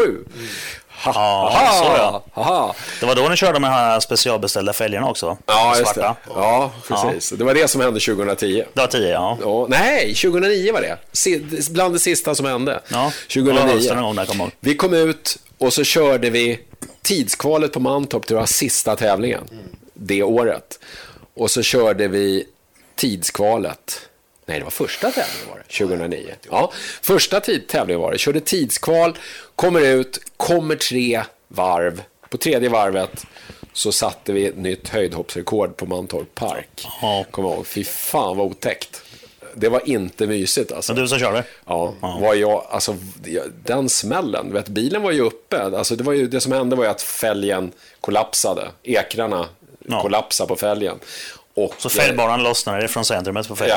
Ja, och åkte in, trädde på sig på A-armen och stannade, stannade och gjorde att bilen studsade upp eh, en, och en halv, två meter och visade hela undersidan för depån. Och det här har jag bara fått berättat Ja, men jag efteråt. stod ju i depån Ja, och såg eh, korvetten Då tänkte du, det var den bilen. över räckena där borta. ja. Fy fan vad otäckt. Ja, och så bara rakt ner. Och du vet den smällen i ryggen. När det inte finns någon Ja. fjäder, ingenting. Utan Nej. bara, bara rätt ner, bara ding på Ja. botten. Liksom. Och med den bara, stolen boom. också. Ja, du vet. Och så satt man där, så singlade den iväg på undersidan. Iväg ut över åkern. Och så satt jag bara och tittade så här. Bara titta så här däckshög där borta. Där är det där. Undrar om jag hinner stanna, undrar om jag hinner stanna, undrar om jag hinner stanna. Bara, ja, jag kommer att hinna stanna. Och så hann den stanna innan den liksom åkte rätt in i någonting mer. Liksom. Men det var verkligen, det var enda, det var så här, det var inte så där att när, nu höll det på att gå riktigt åt helvete, nu ska vi bli chockade, utan bara så här, hoppas den hinner stanna, hoppas Ja, den hinner precis. stanna. Bara, Man tänker på allt arbete istället. ja, det är det man gör. bara inte bilen går sönder. Ja, ja visst. Ja, men sådana är vi allihop. Jo. Och du var ute och fotade där. Du hade ju telefonen med dig när du körde. Vad fan, var det inte Jo, jo, men vi hade ju fixat intercomen med Ja, det var mobilen. därför du hade tagit Så vi hade byggt om våran peltor, min peltor intercom så att man pratade via iPhonen. Ja, ja. Det var så det var faktiskt. Nej, för det var ju ambulanser och allting var ju framme och Micke stod och började plåta bilen och funderade på hur, hur mycket som var trasigt. ja men det, han är inte den första som har gjort det. Nej, det är visst, det är vi ett sjukt släkte alltså, vi som håller på med det här. Inte kloka någonstans. Nej, nej, Men det var, ju, det var ju bara A-armen bak som gick. Va? Ja, och så botten. Ja, det var ett trä. Det var Och så fick vi- på bilen. Ja, ja. Ja. Så att, eh, nej, det var, det var fantastiskt tur i oturen alltså. Så var det. Så att det var väl den värsta um, grejen vi har råkat ut för tror jag. ja. Nu är vi på 2009 alltså. Bilen är ute och Ja. den här specialbyggda karossen sitter på. Ja. Ni har fått bort den gamla C3-ramen. Mm. Åtminstone det är den delen av den som vi inte behövde ha för att uppfylla reglementet kan man väl säga. Ja, precis. Så att eh, sen blev det... Ja, sen så började vi på då, kom jag ju på den extremt fantastiska idén om att jag skulle göra egna, vi skulle göra egna fälgar. Det var ju också jättebra. Så vi har gjort egna fällcentrum sen. Så att, eh, ja, det kan man, ska man inte rekommendera kan jag säga. Alltså, Men, eh, ja, om man vet hur man ska göra från början så är det okej. Ja. Men jag menar, det var ju en sån här också. Det tog väl tre, fyra månader. Det var ju hela den säsongen. Så vi höll på att karva bara med fällcentrum. Så du är inne på en bra grej. Det har ju alltid varit så att vi har hittat bra folk som kan saker och ting. Ja, det är lite kul alltså. Så det är ju ett, Det är jäkla ett gäng runt omkring det här. Ja. Som, eh, bra kontakter måste man om ha. man slår dem tillräckligt mycket så kan man kanske få dem att fuska. Om man inte gör det så blir det bättre än man har tänkt sig. Ja, nej, det, det är faktiskt helt sjukt just det där. Men, alltså, vi har en grej, vi har ett begrepp i, i gänget vi kallar för kristerpassning. Och det är Krille, det är mannen som, som eh, gör alla, de flesta av våra maskinjobb. Ja. Om inte, de som inte gör, han gör. Okej, om det inte är den här specialare, för det är Sven då som fräste ut våra. Det var också en sån här, det är också en sån här, vi har tack vare, alltså det, är en sak är bara att konstatera, är det tillräckligt utflippat då vill ju folk hjälpa till, det vet du själv. Ja. Alltså är det bara tillräckligt far out, då Ja. blir det så här helt plötsligt. Det att- skitroligt. Ja, visst. Och all, då helt plötsligt vaknar människor till. Det var ungefär som det här med fällcentrum. Men när vi väl hade hittat rätt kille, det var också tack vare Christer då, som hittade Sven. Sven är en snubbe som håller på att renovera en Spitfire i Kungsängen, kan jag ju säga. En Spitfire. En Spitfire. Så han, han, Ja. så han har två Merlin-motorer stående i, i Kungsängen. Liksom. Den ena renoverad och den andra orenoverad. Ja. I alla fall. Och så har han en nästan på väg att bli en hel flygplanskropp nu. Eh, det här i alla fall. Och han har en hasfräs, CNC-fräs, stor jäkel också, stående där. Och det var så det var. Christer sa Det det. finns så mycket störda människor. Ja, verkligen. Den, den snubben skulle åka och göra en Vi ska podd inte komma med. här och snacka om att bygga sportbil. Jag bygger sådana. Om man Ja, ska alltså. citera Hasse Alfredsson. Ja, Nej, men jag precis. kan Ja. säga att Sven ägnar lika mycket tid åt att bara göra verktygen för att pressa olika saker som vi har ägnat åt att bygga en hel bil. Liksom. Det är helt galet. Och han lever på att sälja alltså Spitfire-reservdelar runt om i världen.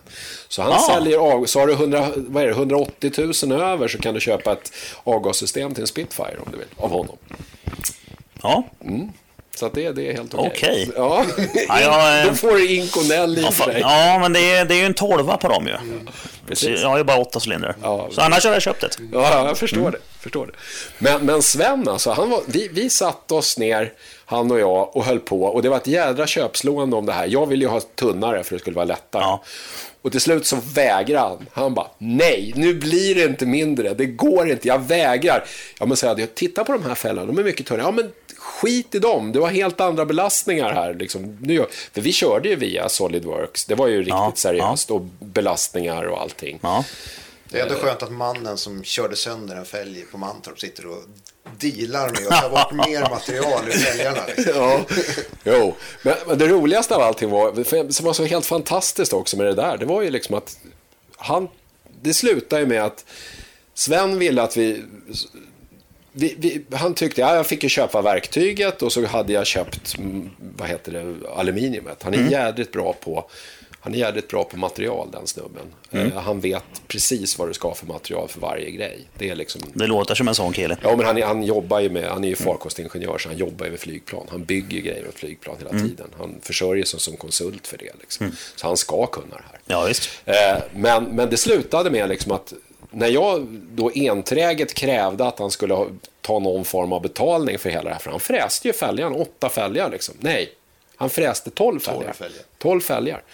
Bara, nej, inte en jävla spänn. Nej. Helt galet. Jag fick betala skärjärnen liksom, till fräsen. Och sen resten av arbetstiden, allting, jag tror han, vi höll på, han tror han höll på en månad sammanlagt. Betalade ingenting. Helt galet. Det var alltså material och fräsplattor. Ja. Ja, kul. Ja, Äh, och sådär. Bra har- kompis. Ja, men vi har massa sådana här galningar runt oss. Liksom. Ja. Som jag sa, är det bara tillräckligt dumt så då vill folk vara med. Ja, men det, det, det är ju så. Ja. Intresserade människor, alltså störda jävlar som jag brukar kalla dem, Ja. de tycker att sånt här är roligt. Och när man då träffar en annan störd jävel, då vill man gärna vara med och hjälpa till. Ja. Jo. Det är ju så. Ja. Nej, det, det är kul. Alltså, det är också en sån här grej. Vi skulle ju inte kunna hålla på om vi inte hade de här runt oss. Liksom. Ja, sen Nej, har vi Robban Klausnitzer som eh, har ju- gjort formarna till eh, att gjuta upp de här plastdelarna sen. Det är det han som är roten till egentligen. Det är Göran som har... Göran var man som hade tillräckligt mycket tålamod för att skissa fram den nya korvetten. Ja. Hur han ville att den skulle se ut till slut. Och så var det... Och så är det Robban då som har eh, gjort alla plastformar och allting. Gjutit allt och spacklat. Det är gjutgubben. Ja, han är ju hot rod. Han är Ja. lackare egentligen. Du känner till honom kanske? Nej, det är det inte. Han har haft mycket bilar i Amerika på alla utställningar och i Europa och överallt. Alltså, som han har lackat bara då. Alltså, Ja. Folk skickar hit och får lackat. För Okej. hur många pengar som helst alltså. Ja, han är en sån här duktig jävel helt enkelt. Ja, han kan göra vilken lack som helst alltså. Ja, och han är bra, jävligt bra, duktig på plast. Ja, så man behöver bara säga vi skulle vilja ha den här formen, vi skulle vilja ha det här gjutet så här. Sen kan man gå därifrån och så blir det så. Och så kommer han dit och bara, wow. Vad bra det blev. Ja, du vet, man bara, oj, ja, du gjorde så. Ja, det blev ju ännu bättre. Ja, tack. Liksom. Tack. Ja, ja. Ja, men såna, såna, såna folk är trevligt att göra med. Men han är inte gratis. Nej, Tyvärr, tyvärr inte. Ty, Tyvärr tyvärr, inte, tyvärr alltså. inte. det låter inte som det. Nej, nej, nej, Robban är nog en av dem som verkligen lyckas försörja sig bra på Nej, men han tar ju rättvist betalt alltså. Så det är Jo, jo, ingen som men- saltar räkningen alltså. Nej, nej, men är man duktig så kan man ta betalt för det man gör. Så är det ju. Nej, men jag tror han... Det, det, Det är därför jag får jobba gratis. Ja, nej men det är, där har du ju att, alltså Sverige, problemet med Sverige är att Sverige är ett litet land. Alltså det är Ja, förbannat, du det är måste det. vara sjukt duktig om du ska kunna försörja dig på något av det här, liksom att hålla på med sånt. Det går, det, ingen kan, alltså, jag säger det att, att det går inte i det här landet att, att leva på det. Nej. Utan USA funkar ju. Ja, ja, Men ja. här, här kan man ha det som bisyssla. Det funkar, men det, det kan har inte ju leva en det. kille som faktiskt lever det, skapligt på det. Eh, som vi hade inkopplad ifrån, som jag har hjälpt mig mycket med, med delar till, till min bil och gjort hjulcentrum, och, eh, alltså eh, nav till bromsskivor och sådana saker. Va? Eh, och han heter Acke Rising och driver en firma som heter ISR som har gjort motorcyklar i Tumba. Han är väldigt känd alltså för jag skulle tro att 20% av alla shoppers har hans bromsar. Ja, ja. Och han, han har gjort, gjorde under ett antal år bromsok till Honda eh, roadracingcyklar som de köper från Sverige alltså. Och de var aktuella för Koenigsegg också. Eh, och anledningen till att de inte sitter på den bilen nu det är att eh, de måste verifieras då för trafiksäkerhet och sådana bitar. Ja. Och det, det vägrade Acke Rising att bekosta. Utan Ja. det får ni bekosta och då sprack det samarbetet. Ja, Annars har du sett sådana bromsar på Koenigsegg också. ja men ja men det är ju bara att kolla. Väldigt sofistikerade grejer alltså. Ja, men kolla på alltihop. Du kan titta på Öhlins, du kan kolla på Verdi, du kan kolla på... Det finns Ja, ja. hur mycket sådana här Ja, ja. grejer som helst. Alltså, Det sven- finns några svenskarna som lyckas, är ju... Oh, ja, det är det. som Ja, har maskinerna att gå för runt om dygnet alltså. ja. Jo, men men de är det... helt extrema de här människorna alltså. Ja, men de är, de är ju, som, som Verdi och Öhlins är ju bra exempel, men de är ju insnöade på, på sina nischer. De bygger ju inte hela racerbilar. Nej, nej, nej, verkligen inte. Så att, Nej. men det är, och de är, väl, de är väl bäst på det de gör. Ja, det är, Det är inte så mycket det är bråk om. inget snack. Det kan inte Nej. finnas någon som gör värre bromsar än honom i Sverige. Nej. Nej. Nej. Hur många gör egna bromsar i Ja, Sverige? hur? Ja, precis. Ja, Kanske skulle prova. ja. Nej, nu räcker det. Ja, vad härligt. Ja, nu, nu flippar vi ur igen här. Ja, precis. Ja, men nu har ni fått er en kaross i alla fall då? Kaross och fälgar har vi nu. Och fälgar. Nu har vi kaross och fälgar. Sen, men sen, Och fälgar som förhoppningsvis ska hålla då? Ja, ja, men de håller så fint. Jo, nu, med- nu vet vi att de gör det. Men, Ja. ja. ja, men sen körde vi väl på där 2010, 11, 12, tror jag. Hon kom inte ut och körde då heller, utan ni körde på i garaget. Nej, Nej, nej, för sjutton. Vi var ute och körde då. Jaha. Jag eh, körde modsport med bilen. Eh. På den tiden. Ja, det gick eh, hyfsat. Första tävlingen vi ställde upp i som vi kom ut, då körde vi på Falkenberg och det var regn så in i baljan på kvalet och jag hade inga regndäck så att eh, jag kvalade inte och fick starta sist. Ni har inte sparat de här från Cam- Camaron, eller nej? Nej, det hade, vi- det hade inte gjort. Fick starta sist och körde upp med från, tror det var från 17 plats till tredje plats. Det är rätt Första bra. loppet. Det är rätt bra. Första loppet. Ja. Alltså, ja, det är bra. Alltså, jag tycker det är bra. Men det, det var ju mycket det där att vi, vi lärde oss så förbannat mycket på första varianten av korvetten. Så vi visste ju det här med kylningar och allting. Och så Mm. hade vi ju en jädrigt bra motor och vi hade bra... Vi visste hur bakaxeln funkar allting. Vi hade ju tagit de bitarna som vi tyckte var bra och satt över liksom. Mm. Och ja, så så var det första tävlingen. Och så sen höll vi på där lite grann. Höll- Ja, körde vi. Jag körde aldrig en hel serie tror jag. Det var lite... Nej, det var ju lite... Det hände, jag kommer inte ihåg varför. Om Nej, inte jag var heller. fulltjåkade med annat. det Jag ett annat liv också. Det, det, är det, som är, det, det är väl det stora problemet vi har haft. Vi jobbar för mycket. Alltså det är Ja. ju det där jävla jobbet. Det är ju det som är problemet. Ja, jag känner till det. där. Det är inte bra. Alltså. Jobbet kommer bara- inkräktar alldeles för mycket på fritiden. Ja, ja, ja, ja. Men när vi körde på, när var det? När vi körde på Anderstorp. När vi tog... eh, Ja, för då var det ju dubbla pool. Det var 2012. Ja, det var 12 då. ja. Mm, 2012. Var det efter det det? Sen spårade spårade ur. Det var då vi ändå höll på. Så vi körde, tror jag, 11 vet jag inte hur mycket det var kört, men 12 kördes det mycket. Faktiskt, det gick riktigt bra också. Vi, alltså, vi var nästan alltid på pallen i princip, om det inte hände något. Alltså att vi blev avkörda eller något sånt. Eh, Så var vi nästan alltid på pallen. Och eh, Anderstorp var ju, men det var ju också en sån här grej som är så jädra häftig. Anderstorp tycker jag var en sån här intressant lärdom i form av det här. Johan och jag predikar ju här, våra, våra de här kurserna. Predikar vi just det här med däcken hela tiden. Alltså att du måste vara snäll med däcken och, och likadant hur viktigt det är. Allt man egentligen gör på en bil är för att hålla däcken i så bra kontakt som möjligt med världen. Liksom Ja, precis. med ytan. Och, och på Anderstorp då hade vi kört, hade vi blivit övertygade av våra tyska däcksleverantörer att köra Avon. Kommer du ihåg det? Ja, Avon-däck. Och de var ju bra i fem varv. Sen var de inte så bra längre. Och så där var det liksom. Så att, och jag, jag trivdes in aldrig på de där däcken. Jag, jag fick aldrig något förtroende för dem. Och vi hade kvar, kommer jag ihåg, våra gamla Michelin från året innan. Och på natten där efter, för vi hade varit ute och tränat på Anderstorp och det gick inget bra. Vi, vi låg, ja inget bra, vi låg väl fyra bland 33 bilar eller något sånt där. Ja, det låter ju värdelöst. Ja, men jo, men det var, gick inget fort tyckte vi. Nej, det var dåliga Nej. tider. Och, ja. Dåliga tider och, och det kändes inte, det var inget, inget kul. Och eh, så låg jag på natten och funderade, för vi hade gjort bilen för Michelin-däcken. Så bilen är byggd för att, eh, hjulupphängningarna är byggda för Michelin. Eh, deras sätt att vara, så att säga. Eh, och eh, jag tänkte det, okej, vi slänger väl på de där gamla däcken då, så provar vi. Och eh, ja, två och en halv sekund snabbare än tvåan i kvalet, kommer jag ihåg. Bara poff, sådär. Sådär, ja. Poff, på ett år gamla däck, liksom. Som man hade legat Så och skräpat. Och så dubbla vinster och, och allt sånt där. Det var jättekul. Det var en rolig tävling. Sen var det slut på Avon-däcken. Sen, nej, sen var det slut på Avon-däcken Mm. efter det. Men vi hade, då körde vi fortfarande förgasare. Mm. Och då var det ju så att vi började ju få så pass mycket aerodynamik på bilen så att den börjar gå ganska fort i kurvorna. Ja. Och då händer det grejer med förgasare. Att helt plötsligt sitter soppan uppe på ena väggen i flottörhusen och då kommer det inte ner någon soppa i motorn. Så vi hade ju... ja, det blir ju jättedumt. Ja, så det blöddrar och motorn lägger av mitt i kurvan och såna här grejer. Och då var det väl egentligen vägen Mm. EU mot insprutning då. Ja. Och då vet jag inte, där var jag lite bortkopplad måste jag säga. Men Ja. då var det väl ändå så att Nej. när, när vi ändå håller på så kan man ju sätta på några höfläktar också, eller? Ja, nej, nej, grejen var så här att egentligen så var det så att det, reglementet i Modsport sa att om du kör insprut på en bil med den här motorvolymen så måste du vikta på 120 kilo blev det då, när vi hade räknat klart. Ja. Jämfört med en förgasare. Och det kändes väl sådär kan jag Ja. tycka. Och Nu kommer jag, Vikt-Hitler igen här.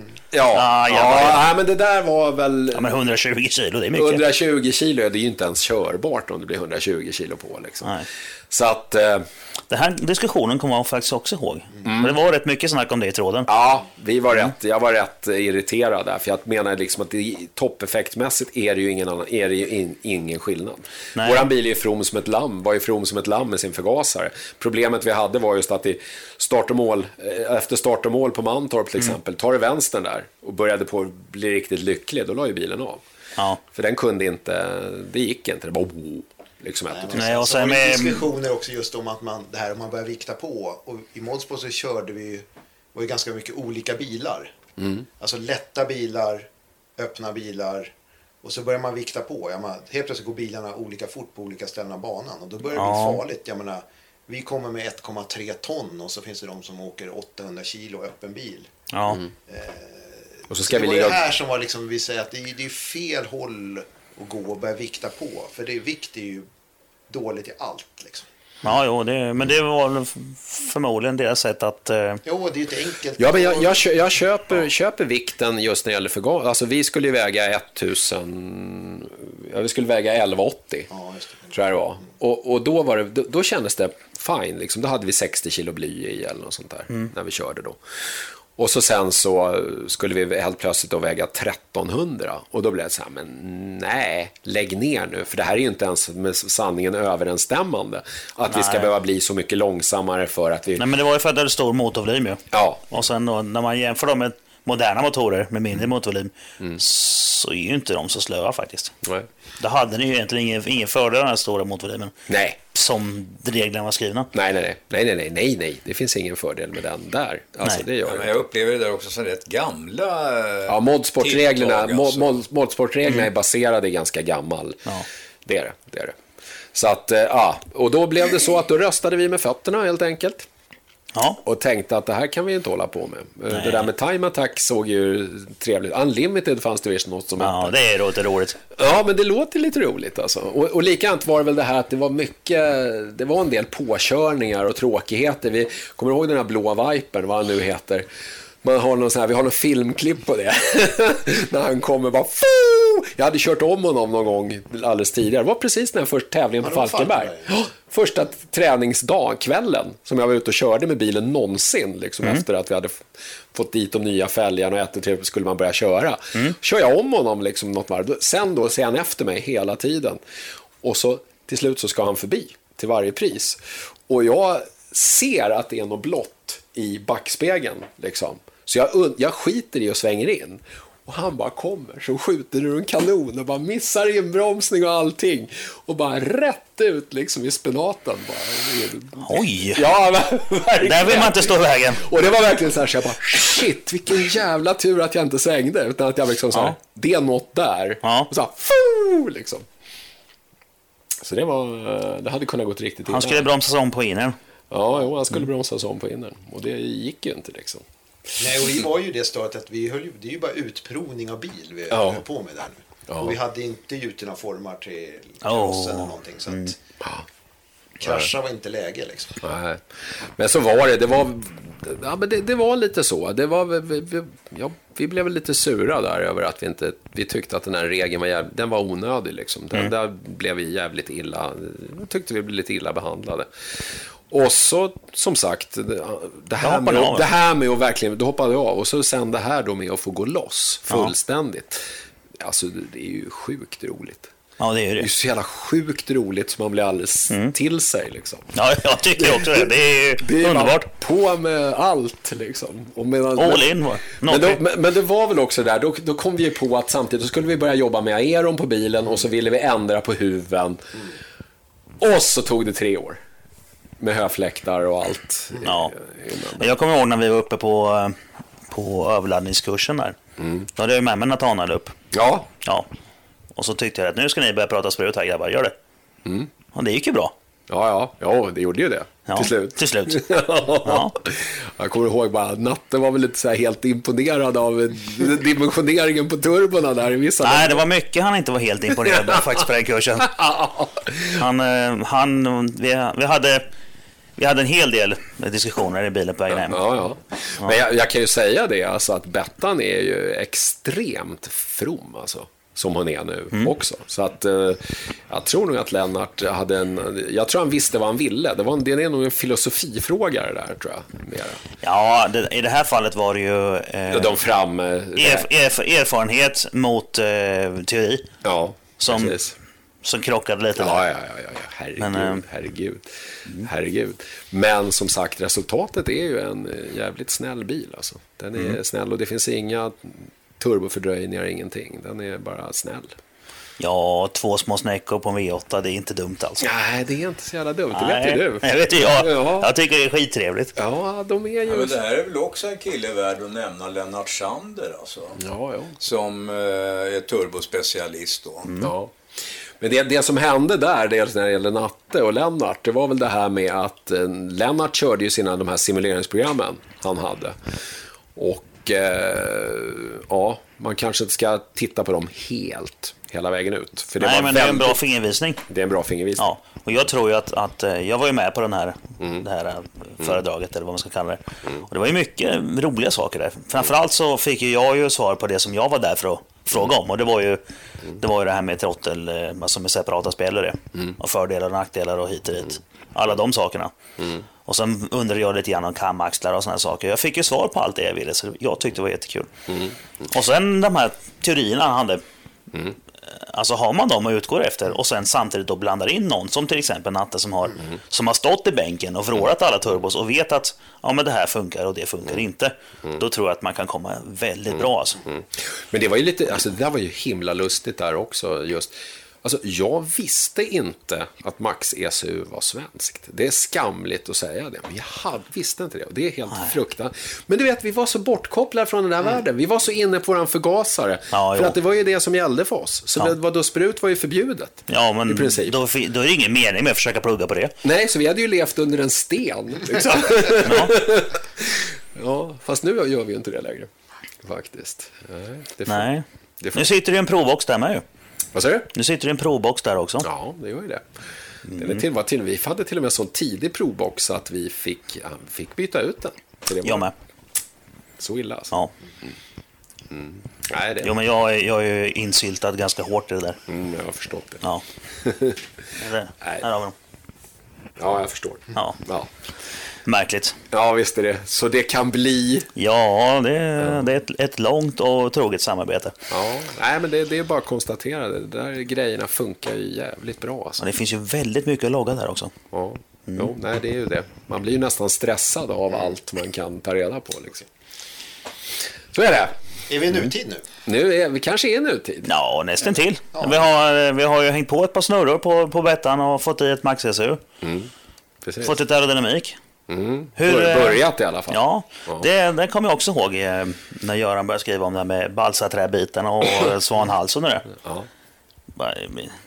Där, där gick ni ju loss också. Var ja, inte det onödigt? Det ju, nej men alltså, för mig är det självklart. Alltså, dels är jag gammal seglare. Alltid mm. hållit på. Det var ju samma när vi byggde diffusorn. Att vi kunde, den första diffusorn var justerbar i buk och vinkel. Mm. Precis som man ställer ett segel. Ja. Så vi testade ju fram när vi fick bästa verkan. Och det är samma sak, jag menar en vinge som sitter för att trycka ner. Undersidan på den vingen ska ju vara i... Den ja, det är den som arbetar. Ja, det är den som arbetar. Mm. Där ska det inte sitta massa fästen. Så det är klart att fästena ska sitta på översidan. Mm. Så att eh, det var egentligen inget konstigt. Nej, men, Nej precis. Eh, ja, men det fanns väl bilar som hade det. Ja, jag tror att det, ja, det fanns innan ja, vi ja, gjorde det naturligtvis. Ja, ja, men det var inte så jättevanligt. Men, men uh, man fick ju... Jag kommer inte ihåg vad vi såg det egentligen först. Alltså. Tror du det var DTM? Jag undrar om inte det var du som såg det först alltså. Och snackade om svanhalsar alltså. vi hade ju pratat om det för att det var ju liksom det att Ja, det borde ju egentligen sitta på ovansidan. Och sen ja, så såg vi ju gången på nej, det. Men, det... Men, eh, ja, men det är ju såna här grejer. Liksom. Ja, men det var, ju, det var ju inte alls vanligt när ni kom ut med det. Nej. Sen kom ju TTA-bilarna. Ja, De hade precis. det allihopa. Men det roliga med det där var ju, där Göran är ju rätt kul. Alltså just det där med din jädrans luft. För vi har ju det där, många undrar ju varför våran vinge sitter så långt ner ja. och inte högre upp. Och det har ju att göra med att vi, vi försöker utnyttja diffusorn så mycket som möjligt. Det är nog säkert många som vet det också, förstår det. Jag Ja, säger inte det. men det är många som undrar också. Och det har ju att göra med det här med diffusorn. Och det var ju superintressant. Göran gjorde ju en, en vindtunnel av en spånsug Ja. i snickeriverkstan. Ja, Han är ju gammal möbelsnickare. Vet du det att Eric Clapton spelar på Mm. Ja, ja, Gurans- möbelsnickare och bygger gitarrer. Ja, precis. Nå, hur som helst. Det där var ju faktiskt jävligt roligt. Alltså det, var ju, det är ju ingen, det är ju, det är ju, jag kommer ihåg när jag höll på, Göran sa åt mig att leta reda på en modell som såg ut som bilen. så jag sprang på en sån här Wenzells hobby och letade efter liksom såna här modellbilar som man kunde bygga som såg ut ungefär likadant som man kunde Ja. testa med i vindtunneln. Men Ja, men det där, men du gjorde ju, då gjorde ju Göran en sån här test. Han gjorde alltså en, en del av en vinge, liten del av en vinge, nu, nu glöm bilmodellen nu, Ja, nu var det här, liten del av en vinge En och så vinge. gjorde han en liten, någon diffusorartad grej också. Och så satte du dem där så att du kunde sätta dem olika inbördes... Ja, det var, det, det, Hur fan var det du gjorde? jag gjorde, dels gjorde jag en vingprofil. Och den var i halv skala, men den var bara 5 cm bred. Den här är ungefär 300 mm eh, bred vinge då. Men den här var fe, eh, 15, och, men sen var den bara 50 på bredden, men ungefär så lång. Ja, just det. 150 Och kordar och den så kunde jag 50. alltså stoppa in i den här vindtunneln som mätte ungefär 30 gånger 30 eller 300 gånger 300 millimeter och var ungefär en 800 eh, millimeter lång. Av en spånsug. Och eh, sen, sen gjorde jag ett sorts eh, system som jag kunde fästa upp den här vingen så den hängde lö- inne i vindtunneln men stack ut där luften kom in. Och där satt ett vågsystem så att den kunde vicka upp och ner och sen så kunde jag en, typ en halv meter framför vindtunneln så var det en hävstång som gick ut som, som jag kunde liksom, som då gick upp och ner beroende på, som var fjäderbelastad. Så jag kunde mäta hur många gram den tryckte ner med. Såklart. Och hela det här arrangemanget då, det hängde alltså i en längsgående fjäder. Ett fjädersystem om vi säger. Ja, så det kan mäta drag så, som, Ja. så att jag fick ett dragmotstånd. Och jag får ju inte absolut siffror på saker och ting. Va? Nej. Men jag får ett förhållande mellan ehm, vingens effektivitet och eh, draget. Ja. Så att, Det här är så underbart nördigt. den, den här eh, vingprofilen, den var ju ihålig alltså. Så den var, var ju alltså, ju, den, den, den, den var en, en, en böjd aluminiumplåt i vingprofilsform. Som satt mellan två sidor. Som satt ihop med skruvar. Så jag kunde lossa de här skruvarna. Då kunde jag böja på vingen så jag fick en annan form på den. Ja, ja. Och så drog jag bara till skruvarna igen. Och så testade jag den i tunneln och så lossade jag lite på skruven och böjde lite till. Skruva till och testa i tunneln och på så vis liksom så, så, var, kunde jag... Jag hade en vindhastighet på 150 km i timmen. Därför det är ungefär, jag ändrade arean på tunneln tills jag fick den hastigheten med en Ja. sån här propellervindmätare. Ja. Och på så vis alltså, så kunde jag få en grundform på vingen. Sen gjorde jag en likadan sak, att jag gjorde bara en undersida som såg ut som diffusorn som jag la in i den här tunneln. Så jag fick en, en, en vettig expansion på, eh, på den. Och sen så byggde jag ut det med att placera vingen bakom diffusorn på olika sätt. Och då hittade vi ett läge där, där, eh, där den jobbade bra. Så att den här diffusorn har ju egentligen är, är, är för kraftig expansion på. Jag Tar man bort vingen alltså. så, stålar, så stålar diffusorn. hårt. Jag kan säga, jag åkte ju ut en gång och bara testade, här då ska vi bara ut och rugga däck. Så jag åkte ut, slängde, bo- sket i att sätta på vingen.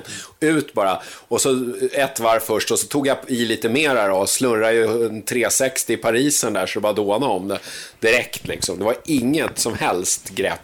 Ja, så vingen är egentligen där för att hjälpa diffusorn. Ja. så att man kan säga det att eh, vingen skulle kunna vara bättre som vinge arbetande i fri luft om den satt högre upp. I mer ostörd luft på det sättet. Men summerar man, men då får jag minska expansionen i diffusorn. Ja, precis. Och det är ju så alltså att, att eh, diffusorn ihop med undersidan på bilen, det är mycket mera, har mycket mindre luftmotstånd mot ground forcen. Ja, än ja. vad vingen har luftmotstånd emot downforce. Mm. Så att man tjänar på om man kan låta diffusorn jobba mer. Så att Jo, sammantaget i det här fallet så får vi en bättre ratio mellan eh, luftmotstånd Mm. och eh, total downforce. Men, men, det var faktiskt rätt häftigt. Jag, var ju, jag kom ju och hälsade på Göran där just när han höll på med det här, just med vingsnutten mot diffusorsnutten. Och det var helt galet alltså, ska du veta. När, först var det så här, det, liksom, ja det sög ju på i alla lägen, liksom någonting. Och så märkte man liksom helt plötsligt att nu, nu börjar vi närma oss något.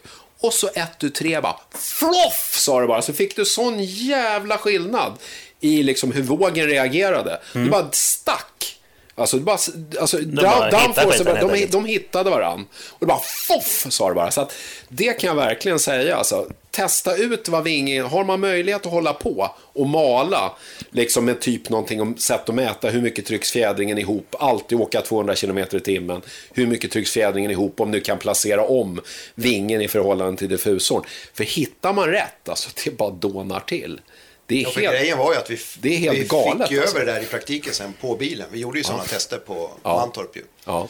Och då, precis som du säger, sensorer som man kan mäta hur mycket fjädringen tycks ihop. Då ja. får direkt hur mycket kraft du har. Och så testa olika lägen när man ser där man får mest. Ja. Och sen kan man sätta på det är också från seglingsvärlden. Så kan man sätta på små garnsnuttar. Ja, precis, med lilla tejpen. Telltales. Ja. För att se när det börjar ståla och så ja. försöka filma det. Ser när de börjar fladdra och grejer. Ja. Och sen GoPro är ju underbart också ja, att använda till sånt där. GoPro är jättebra. Ja. Alltså man har ju mycket, mycket bättre möjligheter idag. Ja, det här är en enkel alltså. vindtunnel alltså. Den ger ju då att eh, var ytterlighetslägena sitter någonstans. Ja, precis. Längre bak än så här, längre fram än så här. Är ingen mening att ens prova. Högre upp och lägre ner är heller ingen menighet. Vi har ett fönster här mm. där ingen kan placeras och det är där vi letar. Troligtvis kring den här punkten alltså. Mm. Eftersom det inte är en exakt skalförändring och att det blir konstigt i en, i en sån här liten vindtunnel på grund av proportioner. Ja, ja, så, så vet man i alla fall att vi har ett fönster som, som vi, där vingen måste sitta. Och vi har några ving, attackvinklar som vi har att använda oss av. Ja, en karta helt enkelt som vi kan börja leta Precis, har man inte det och är ute och cyklar, alltså, då, är, då, då, då är det väldigt svårt. Och, och, och, är det bara en annan form på vingen så flyttar sig var den ska sitta någonstans. Mm. Mm. Så det, det, liksom, det finns alltså inga hemligheter, man kan gott visa vad man gör. För vill någon göra likadant så då får de ett tips. Men de kommer att få jobba lika mycket som vi har gjort. Ja, precis. Mm. Nej, för att alltså just det där med, med att faktiskt kolla hur mycket går fjädringen, hur mycket trycks fjädringen ihop mm. riktigt. För att när du hittar den där sweet spoten, alltså det blir mycket bättre än vad man tror. Mm. För det, det, det är liksom inte ett, det är inte ett eh, vad ska jag säga, proportionellt förhållande, utan det, det blir alltså eh, logaritmiskt, jag på att säga. Det sticker mycket mer än vad man vad man tror att det gör. Skitroligt. När det blir rätt. Jag har ju en gammal eh, centraldammsugare, trefas som står. Kanske ska bygga... ja. Jag hade tänkt att jag skulle bygga en eh, flödesbänk. Ja, men idag har du ju CFD-programmen ja, och allt det där. Men problemet också lite grann med CFD-programmen så, alltså, jag är ju programmerare egentligen från början. Och jag lider ju lite av att jag vet att de där grejerna styrs ju av vem det är som har stoppat in de här eh, liksom, ekvationerna i ja, det hela. Det kan ja. vara en berusad programmerare som ja. hållit på alldeles för länge just det dygnet. Ja. Och, och, då blir det ju som det blir. Det ja. liksom, jo, så, att jag undrar ibland, alla just de här, därför att det märkte jag också när jag väl på dimensionerade fälgarna. Mm. Då var det ju också såna här saker, man sa att då, då, visste ju Sven att nej men det där, skit i det, det där röda regionen där, det stämmer inte, det är en bugg. Den behöver du inte ta med.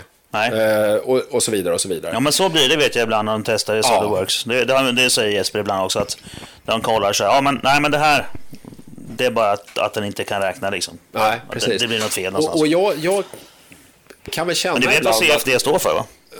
Computer Fluid Dynamics. Nej, Complete Fucking Disaster. Okej, okay, var det det det var? Från början var, kallades det det. Det berättade de om på F1-podden med Jenny Blomqvist. Det var så det var när de började med, med CFD i, eh, i F1. Så jag kommer inte ihåg vilket team då de pratade om nu. Complete fucking disaster. Ja, men eh, det var så. Mekanikerna och, och teknikerna, alltså de, de, eh, ja. de brukar kalla det för det. Ja. det kommer, jag kommer nu inte ihåg vilket team det var, men till exempel om det var Williams nu eller om det var... Ja, men det var ju något team som i princip inte hade kört sin bil överhuvudtaget. Ja. På något annat vettigt sätt än bara just... Ja, det var ju, när, när det började med, med CFD så var det ju så. Ja. Och då, då kallades det då, ute i depån så kallade det för Complete Fucking Disaster. Ja. Nej, men det, det, det, är svårt det där att veta. Alltså, de där jädrans fälttesterna är ju det man måste göra. Och jag tycker ja. lite synd om F1-teamen som inte får testa. För att det, det, är därför, jag läste nu till exempel, jag har läst där Marcus Erikssons senaste uttalande. Nu har de fått bort 6 kilo på bilen. Mm. Och så sen har de ju dessutom, vi har, teamet har börjat förstå däcken. Och ja. man bara, Ja, men det är ju slut på säsongen nu, så ja. att det kunde du väl ha tänkt på lite tidigare. Ja, men det går ju inte. Nej, för Nej. att de, hinner inte, de får ju inte testa. Nej, det är ju det är skit, det är ju sorgligt. Ja. Så att testa, testa, testa, testa, testa, det är bara kör. Det är ja. det enda som gäller. Ja, så är det.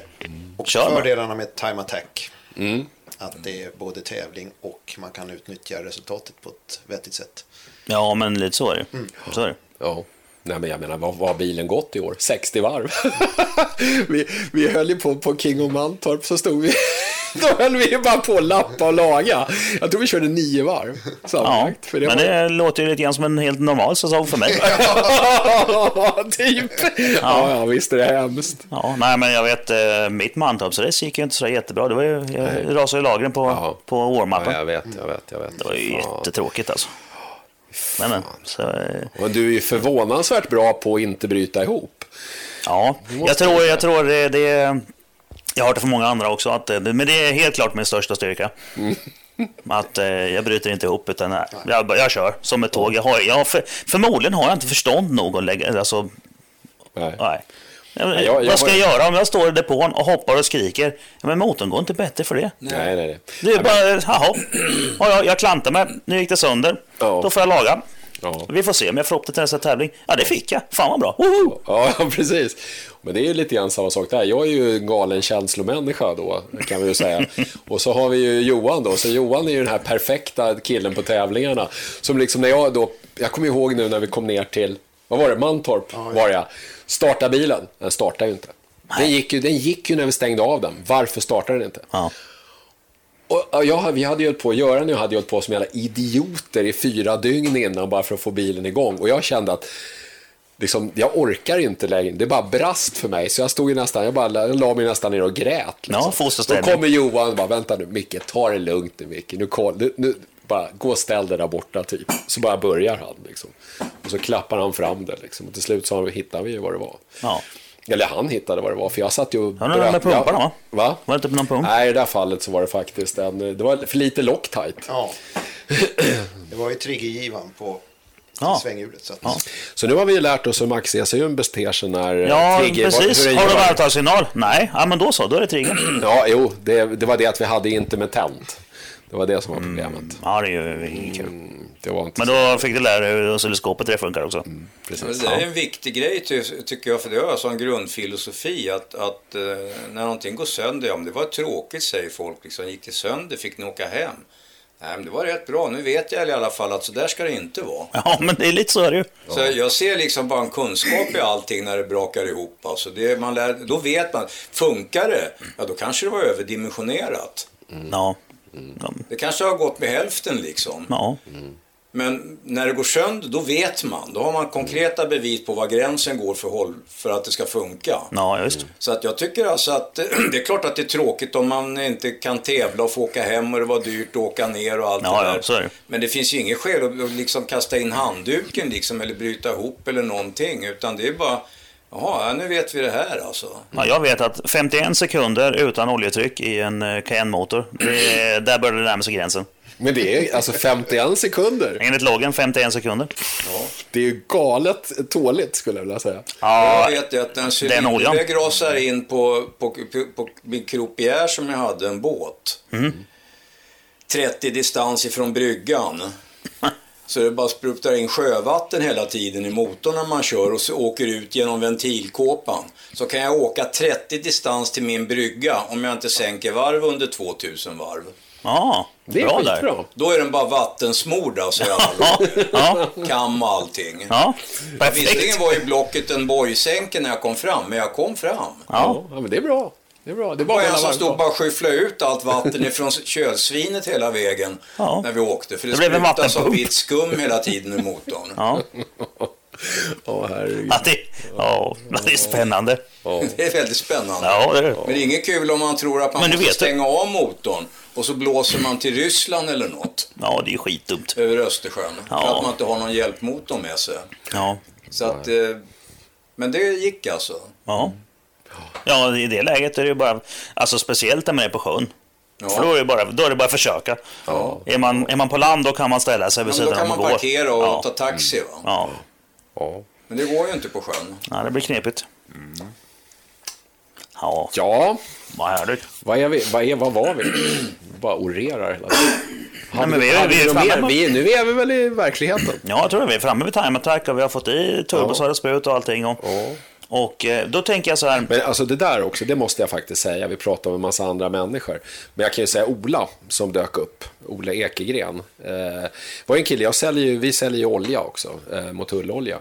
Och det var en kille som dök förbi en kväll i Täby, han bor i Täby. Och så ville han köpa olja. För han skulle ha till sin skyline. Så det fick han göra. Så han köpte olja. Och så sen så kom vi in på det här året. Tror jag. Det var, vi höll på och joxade med den här, eh, vårat Nira-sprut och grejer och fick det inte det där att funka riktigt. Till slut visade det sig att vi hade fått en felaktig mjukvara och det var därför det inte funkar för oss. Så då hade Ja. vi tappat bort tre eller fyra månader tror jag. Det var helt sammanbrotts, ja, helt sammanbrottsbenäget liksom innan vi blev rätt grejer. Men då ringer, ringer den här snubben mig, Ola, bara sådär och säger hej, jag tror ni behöver hjälp. Liksom. Men vadå? Det, det är liksom, nej men nu är det så här, ni, ni borde sätta i, ni ska ha ett maxsprut liksom. Det är bra. Och, och, och jag var sådär så jag bara, nej men vi orkar inte bara. Glöm det, det går inte. Jag orkar inte göra, vi, vi kan inte göra om allt det här nu. Nej men jag fixar det åt er. Så han satte igång och bara, så han Ola låste in sig i vårt garage i typ tre veckor och tattade om allting och satte dit ny- maxsprutet. Och tack vare honom då så fick vi kontakt med Natte och fick, fick också ut prov när det var, innan den hade kommit ut överhuvudtaget. Det tycker jag är också sån här helt fantastiskt. Vilken kille. Och det är så jävla skönt att ha Ola. För att det är alltid så här att är det något nytt som ska in på bilen, då vet man så här att jo, men jag kan fixa det där också. Om jag får läsa på ett tag och hålla på. Och så det, men då är det ändå så här, Ola, hjälp! Ja. Då kommer Ola bara. Ja, men- är lite som en sån där filmkaraktär. Som när man, när man ser någon sån här actionfilm och så får man gå till datanörden för han ska liksom gå in i någons dator och ta reda Ja, på i NASA eller precis. någonting. Ja. Sitter någon 150 kilos snubbe där och kliar sig i håret så här liksom och klick, klick, klick. Nej, han så kör han lite spel ett tag liksom. Här ser han tillbaka och klickar. Sen, sen har han lösenordet. Ja. Och jag tycker Ola är lite, lite sån där karaktär. Han sitter bara där liksom och så håller han på så blir det skitbra i slutändan. Ja, sånt är Han löser problemet alltså. Ja, nej, det är skit, skit Det är bra för er att ni har honom. Ja, ja, han är jädrigt bra alltså. Så att det, det, nej, sen har det dykt upp en massa andra killar också under tiden. Vad händer? Nej, men jag- Stirrar oroligt på Nej, nej, nej. Jag, jag bara... eh, Vi kan göra en stopp. Nej, jag bara kollar att eh, V-metrarna är som de ska med volymer och sånt. Och där var slut på del ett av Speedlab-podden. Del två släpps väl, ja, snart. Och vid det här laget så sitter den väl säkert under i listan, så håll till godo.